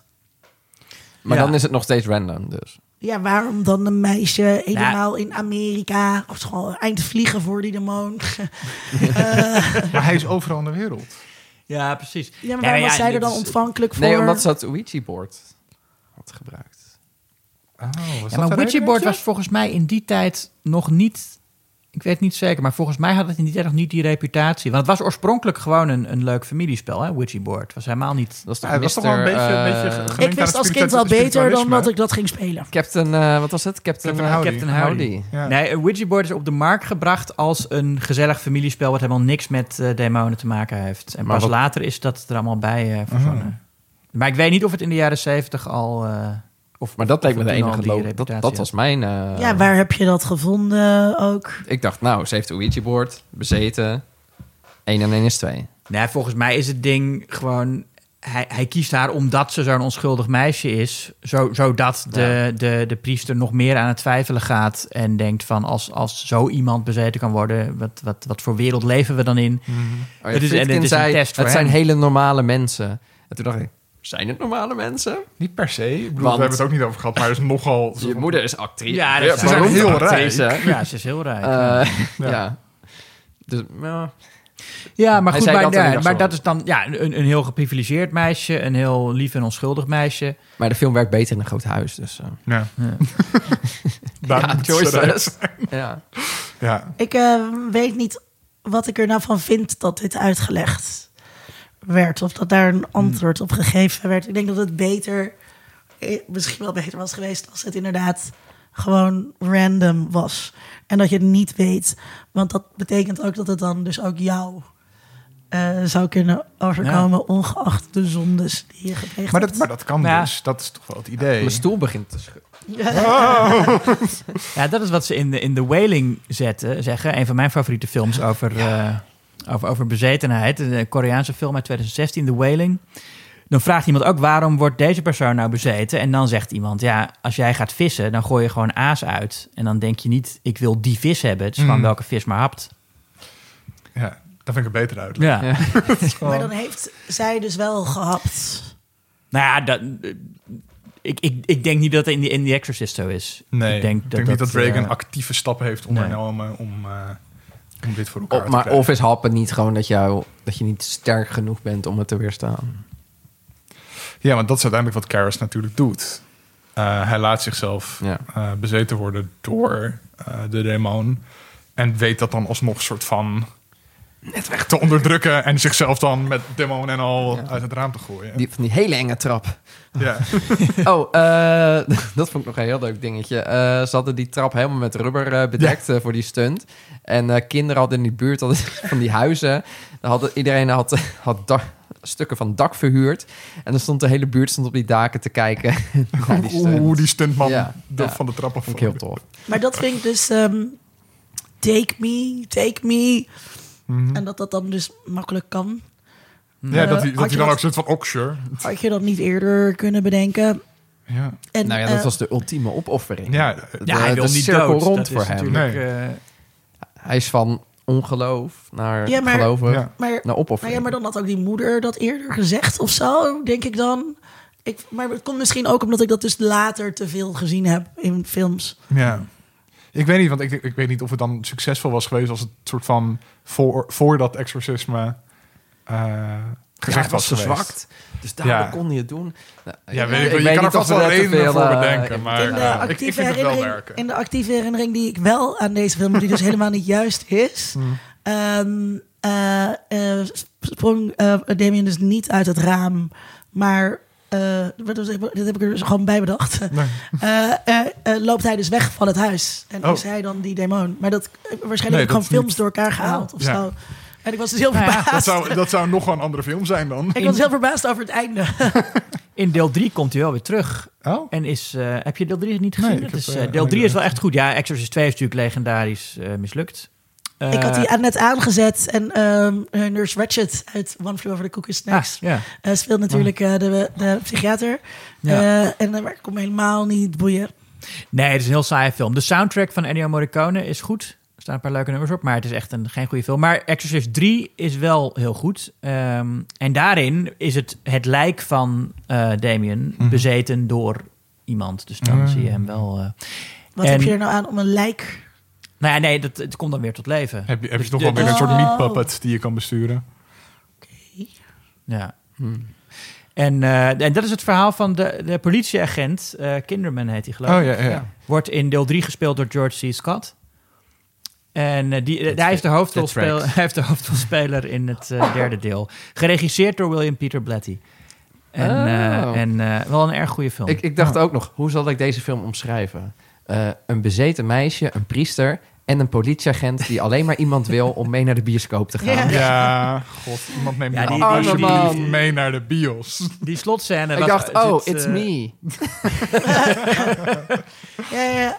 Die Ehm, slotscène waarin ze naar de film gaan zit ook alleen in de director's cut. Ja. Die zat ook niet in de... Nee, ze gaan niet naar de film, ze gaan samen lunchen. Ja, oké, maar ze hebben het wel. Waarin Ja, je het voorstelt. ja. Ja, Uit, ja, dat is, eh, Want iedereen heeft alles al gezien in die wereld. ja. Nou, er zijn, ook, er zijn ook maar tien films natuurlijk. ehm, eh, als jullie de duivel waren en iemand zouden uitkiezen om te bezetten... Oh, oh, nee. Oh, nee. Eh, Oeh. Nee, niet, niet naar mij kijken.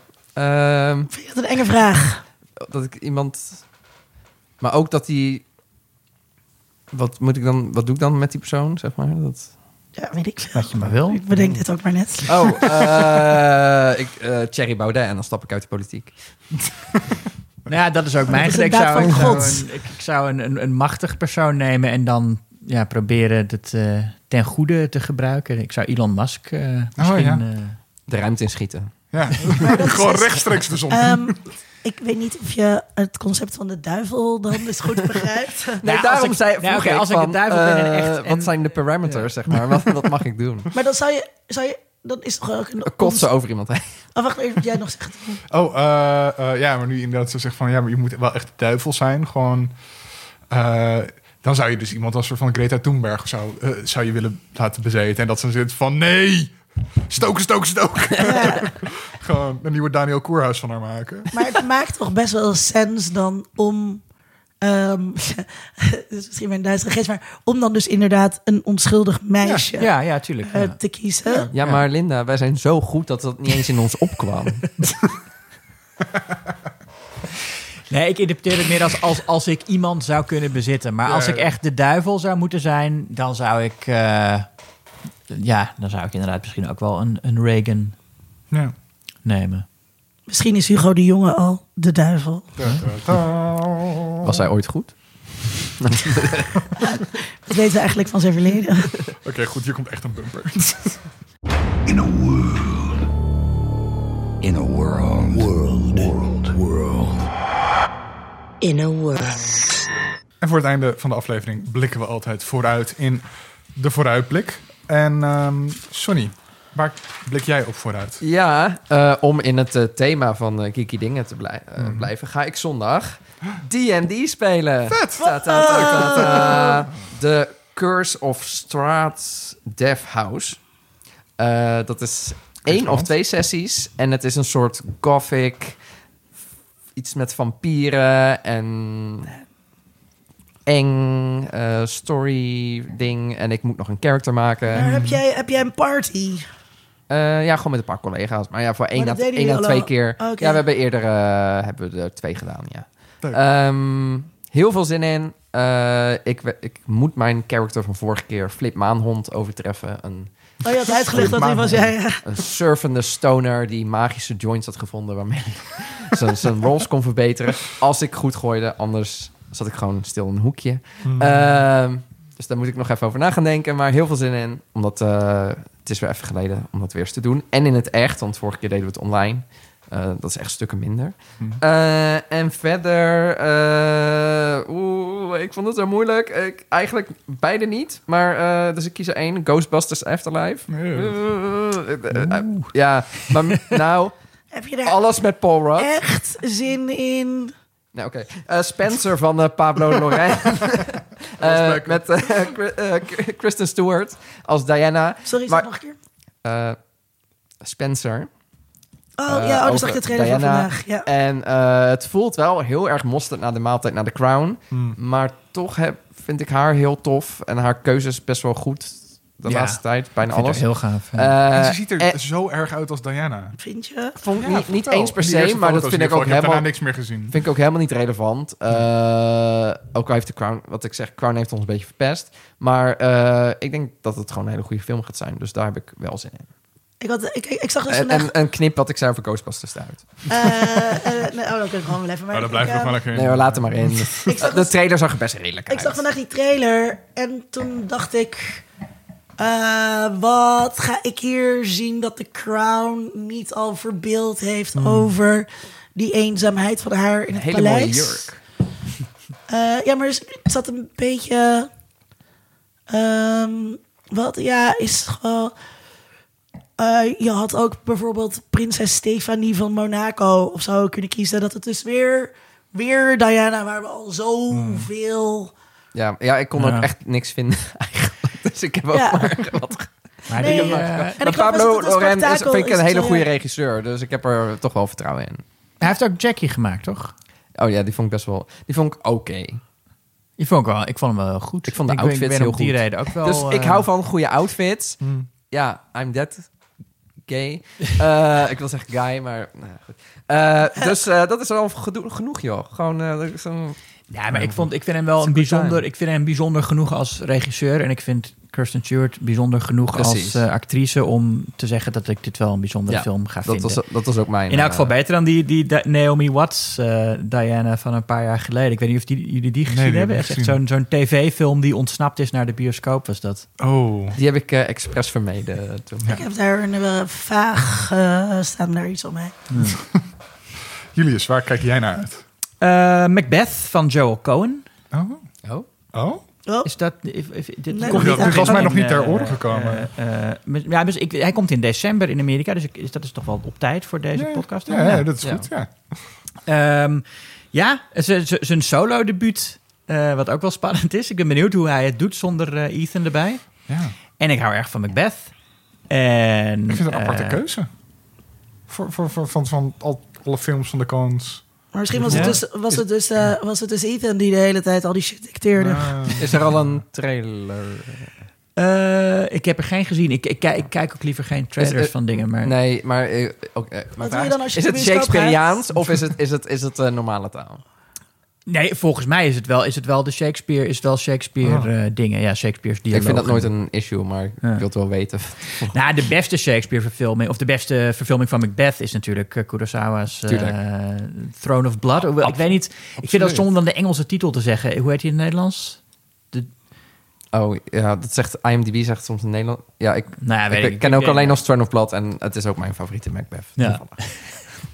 Maar wat doe je dan als je, doet, wat, als je in de bioscoop zit? Doe je dan je ogen dicht als er trailers komen? Oh nee, in de bioscoop wel, maar ik ga niet zelf op zoek naar trailers. Ah, zo. Ja, ja. Ja. Maar als je nu naar de bioscoop gaat, zie je... En, en je gaat Nee, een paar bij keer... sommige- Zie je zes Alleen maar keer, dezelfde zes keer dezelfde trailers. trailer. Ja. Ik doe soms wel mijn ogen dicht hoor bij trailers. Dan, eh, Oh, ik- wel bij eh, horror eh, trailers. eh, ja, dan, als, ik, als, ik, als, echt veel. niet, als ik echt niet wil weten hoe het gaat, ja, dan dus zeker. Bij anderen hou ik mijn ogen juist open. Bij James Bond films, omdat de actiescènes in de trailers altijd beter zijn dan in de film. beter geknipt ook. Ik weet niet waarom dat is, maar dat is bij No Time to Die en bij Skyfall is allemaal gewoon in de actie is in de trailer veel. Ik denk dus bij dat soort films gewoon ook... Oh, ik heb de trailer gezien, dus ik heb de film al gezien. Nou, in het geval van No Time to Die is dat ook wel zo, denk ik. Ja, als je die trailer gezien hebt, dan heb je eigenlijk alle, alle leuke dingen uit de film wel gehad. Eh, Oh, Maar ja. Nou, ik wilde eh, hier nog heen, maar... eh, Nee, Ja. ik vond hem wel... Ik vond hem prima. En nou ja, eh, eh, eh, ja, die Macbeth dus. En eh, omdat eh, eh, Ethan Cohen dus nu geen, geen films meer wil maken met Joel. En omdat ook de Wachowskis eh, uit elkaar zijn. Omdat, is het Lana die... Lana gaat de Matrix. Lana doet de Matrix en Ja. Lily is... Ja. Dus nou, dan hoop ik dat Lily Wachowski en Ethan Cohen natuurlijk nu samen... Dat zou zo zou zo vet zijn. Ik weet niet wat voor film daar uitkomt rollen, maar ik zou het wel heel graag willen zien. Een toneelstuk gaan ze... Dus ze willen geen film meer, dus ze gaan samen een toneelstuk schrijven. Dit gaat gebeuren? Nee. Die dan nee. verfilmd Nee, gaat worden door de andere twee. Ja, hier. Ik heb het helemaal bedacht. Maar dat lijkt me gaaf om te zien. Ja. En ja, de Matrix Resurrection ben ik ook wel... eh, Ja, die wilde ik eh, eigenlijk zeggen, maar ik dacht... Dat- Voorzichtig Net positief zover. ook, ja. nou, ik vind Reloaded namelijk ook... eh, ja, interessant in elk geval. Ik vind Is het Reloaded 2 of 3? Reloaded is twee. Oh ja. En ik vind het Oh. een behoorlijk saaie film, maar Nee. er zit wel veel in. Ik vind twee dus na jullie podcast met Dan Hessler Forrest. Oh, kijk, heb ik hem genoemd. Ja. Ehm, De bingo kaart ben ik opnieuw twee gaan kijken en is mijn waardering heb ik echt um, van een 6 naar een 9 Ja, ja, ja. aangepast. Ja, En en ik, dat echt wel, en ik heb dat spel vroeger gespeeld op de PlayStation. Dus dat gaf al wat extra eh jus, Ja. zeg maar. Dat, met die vrachtwagens op elkaar, dat was... Dat Ja, zat de- ook in het spel. De, de, de Ehm, mening hier is ook wel echt... eh, ik vond dus... eh, de- toen twee uitkwam, had ik er niet zoveel mee. Maar nu, nu ik hem dus nu weer keek... eh, heel veel waardering voor het. Echt Ja. hele vette film.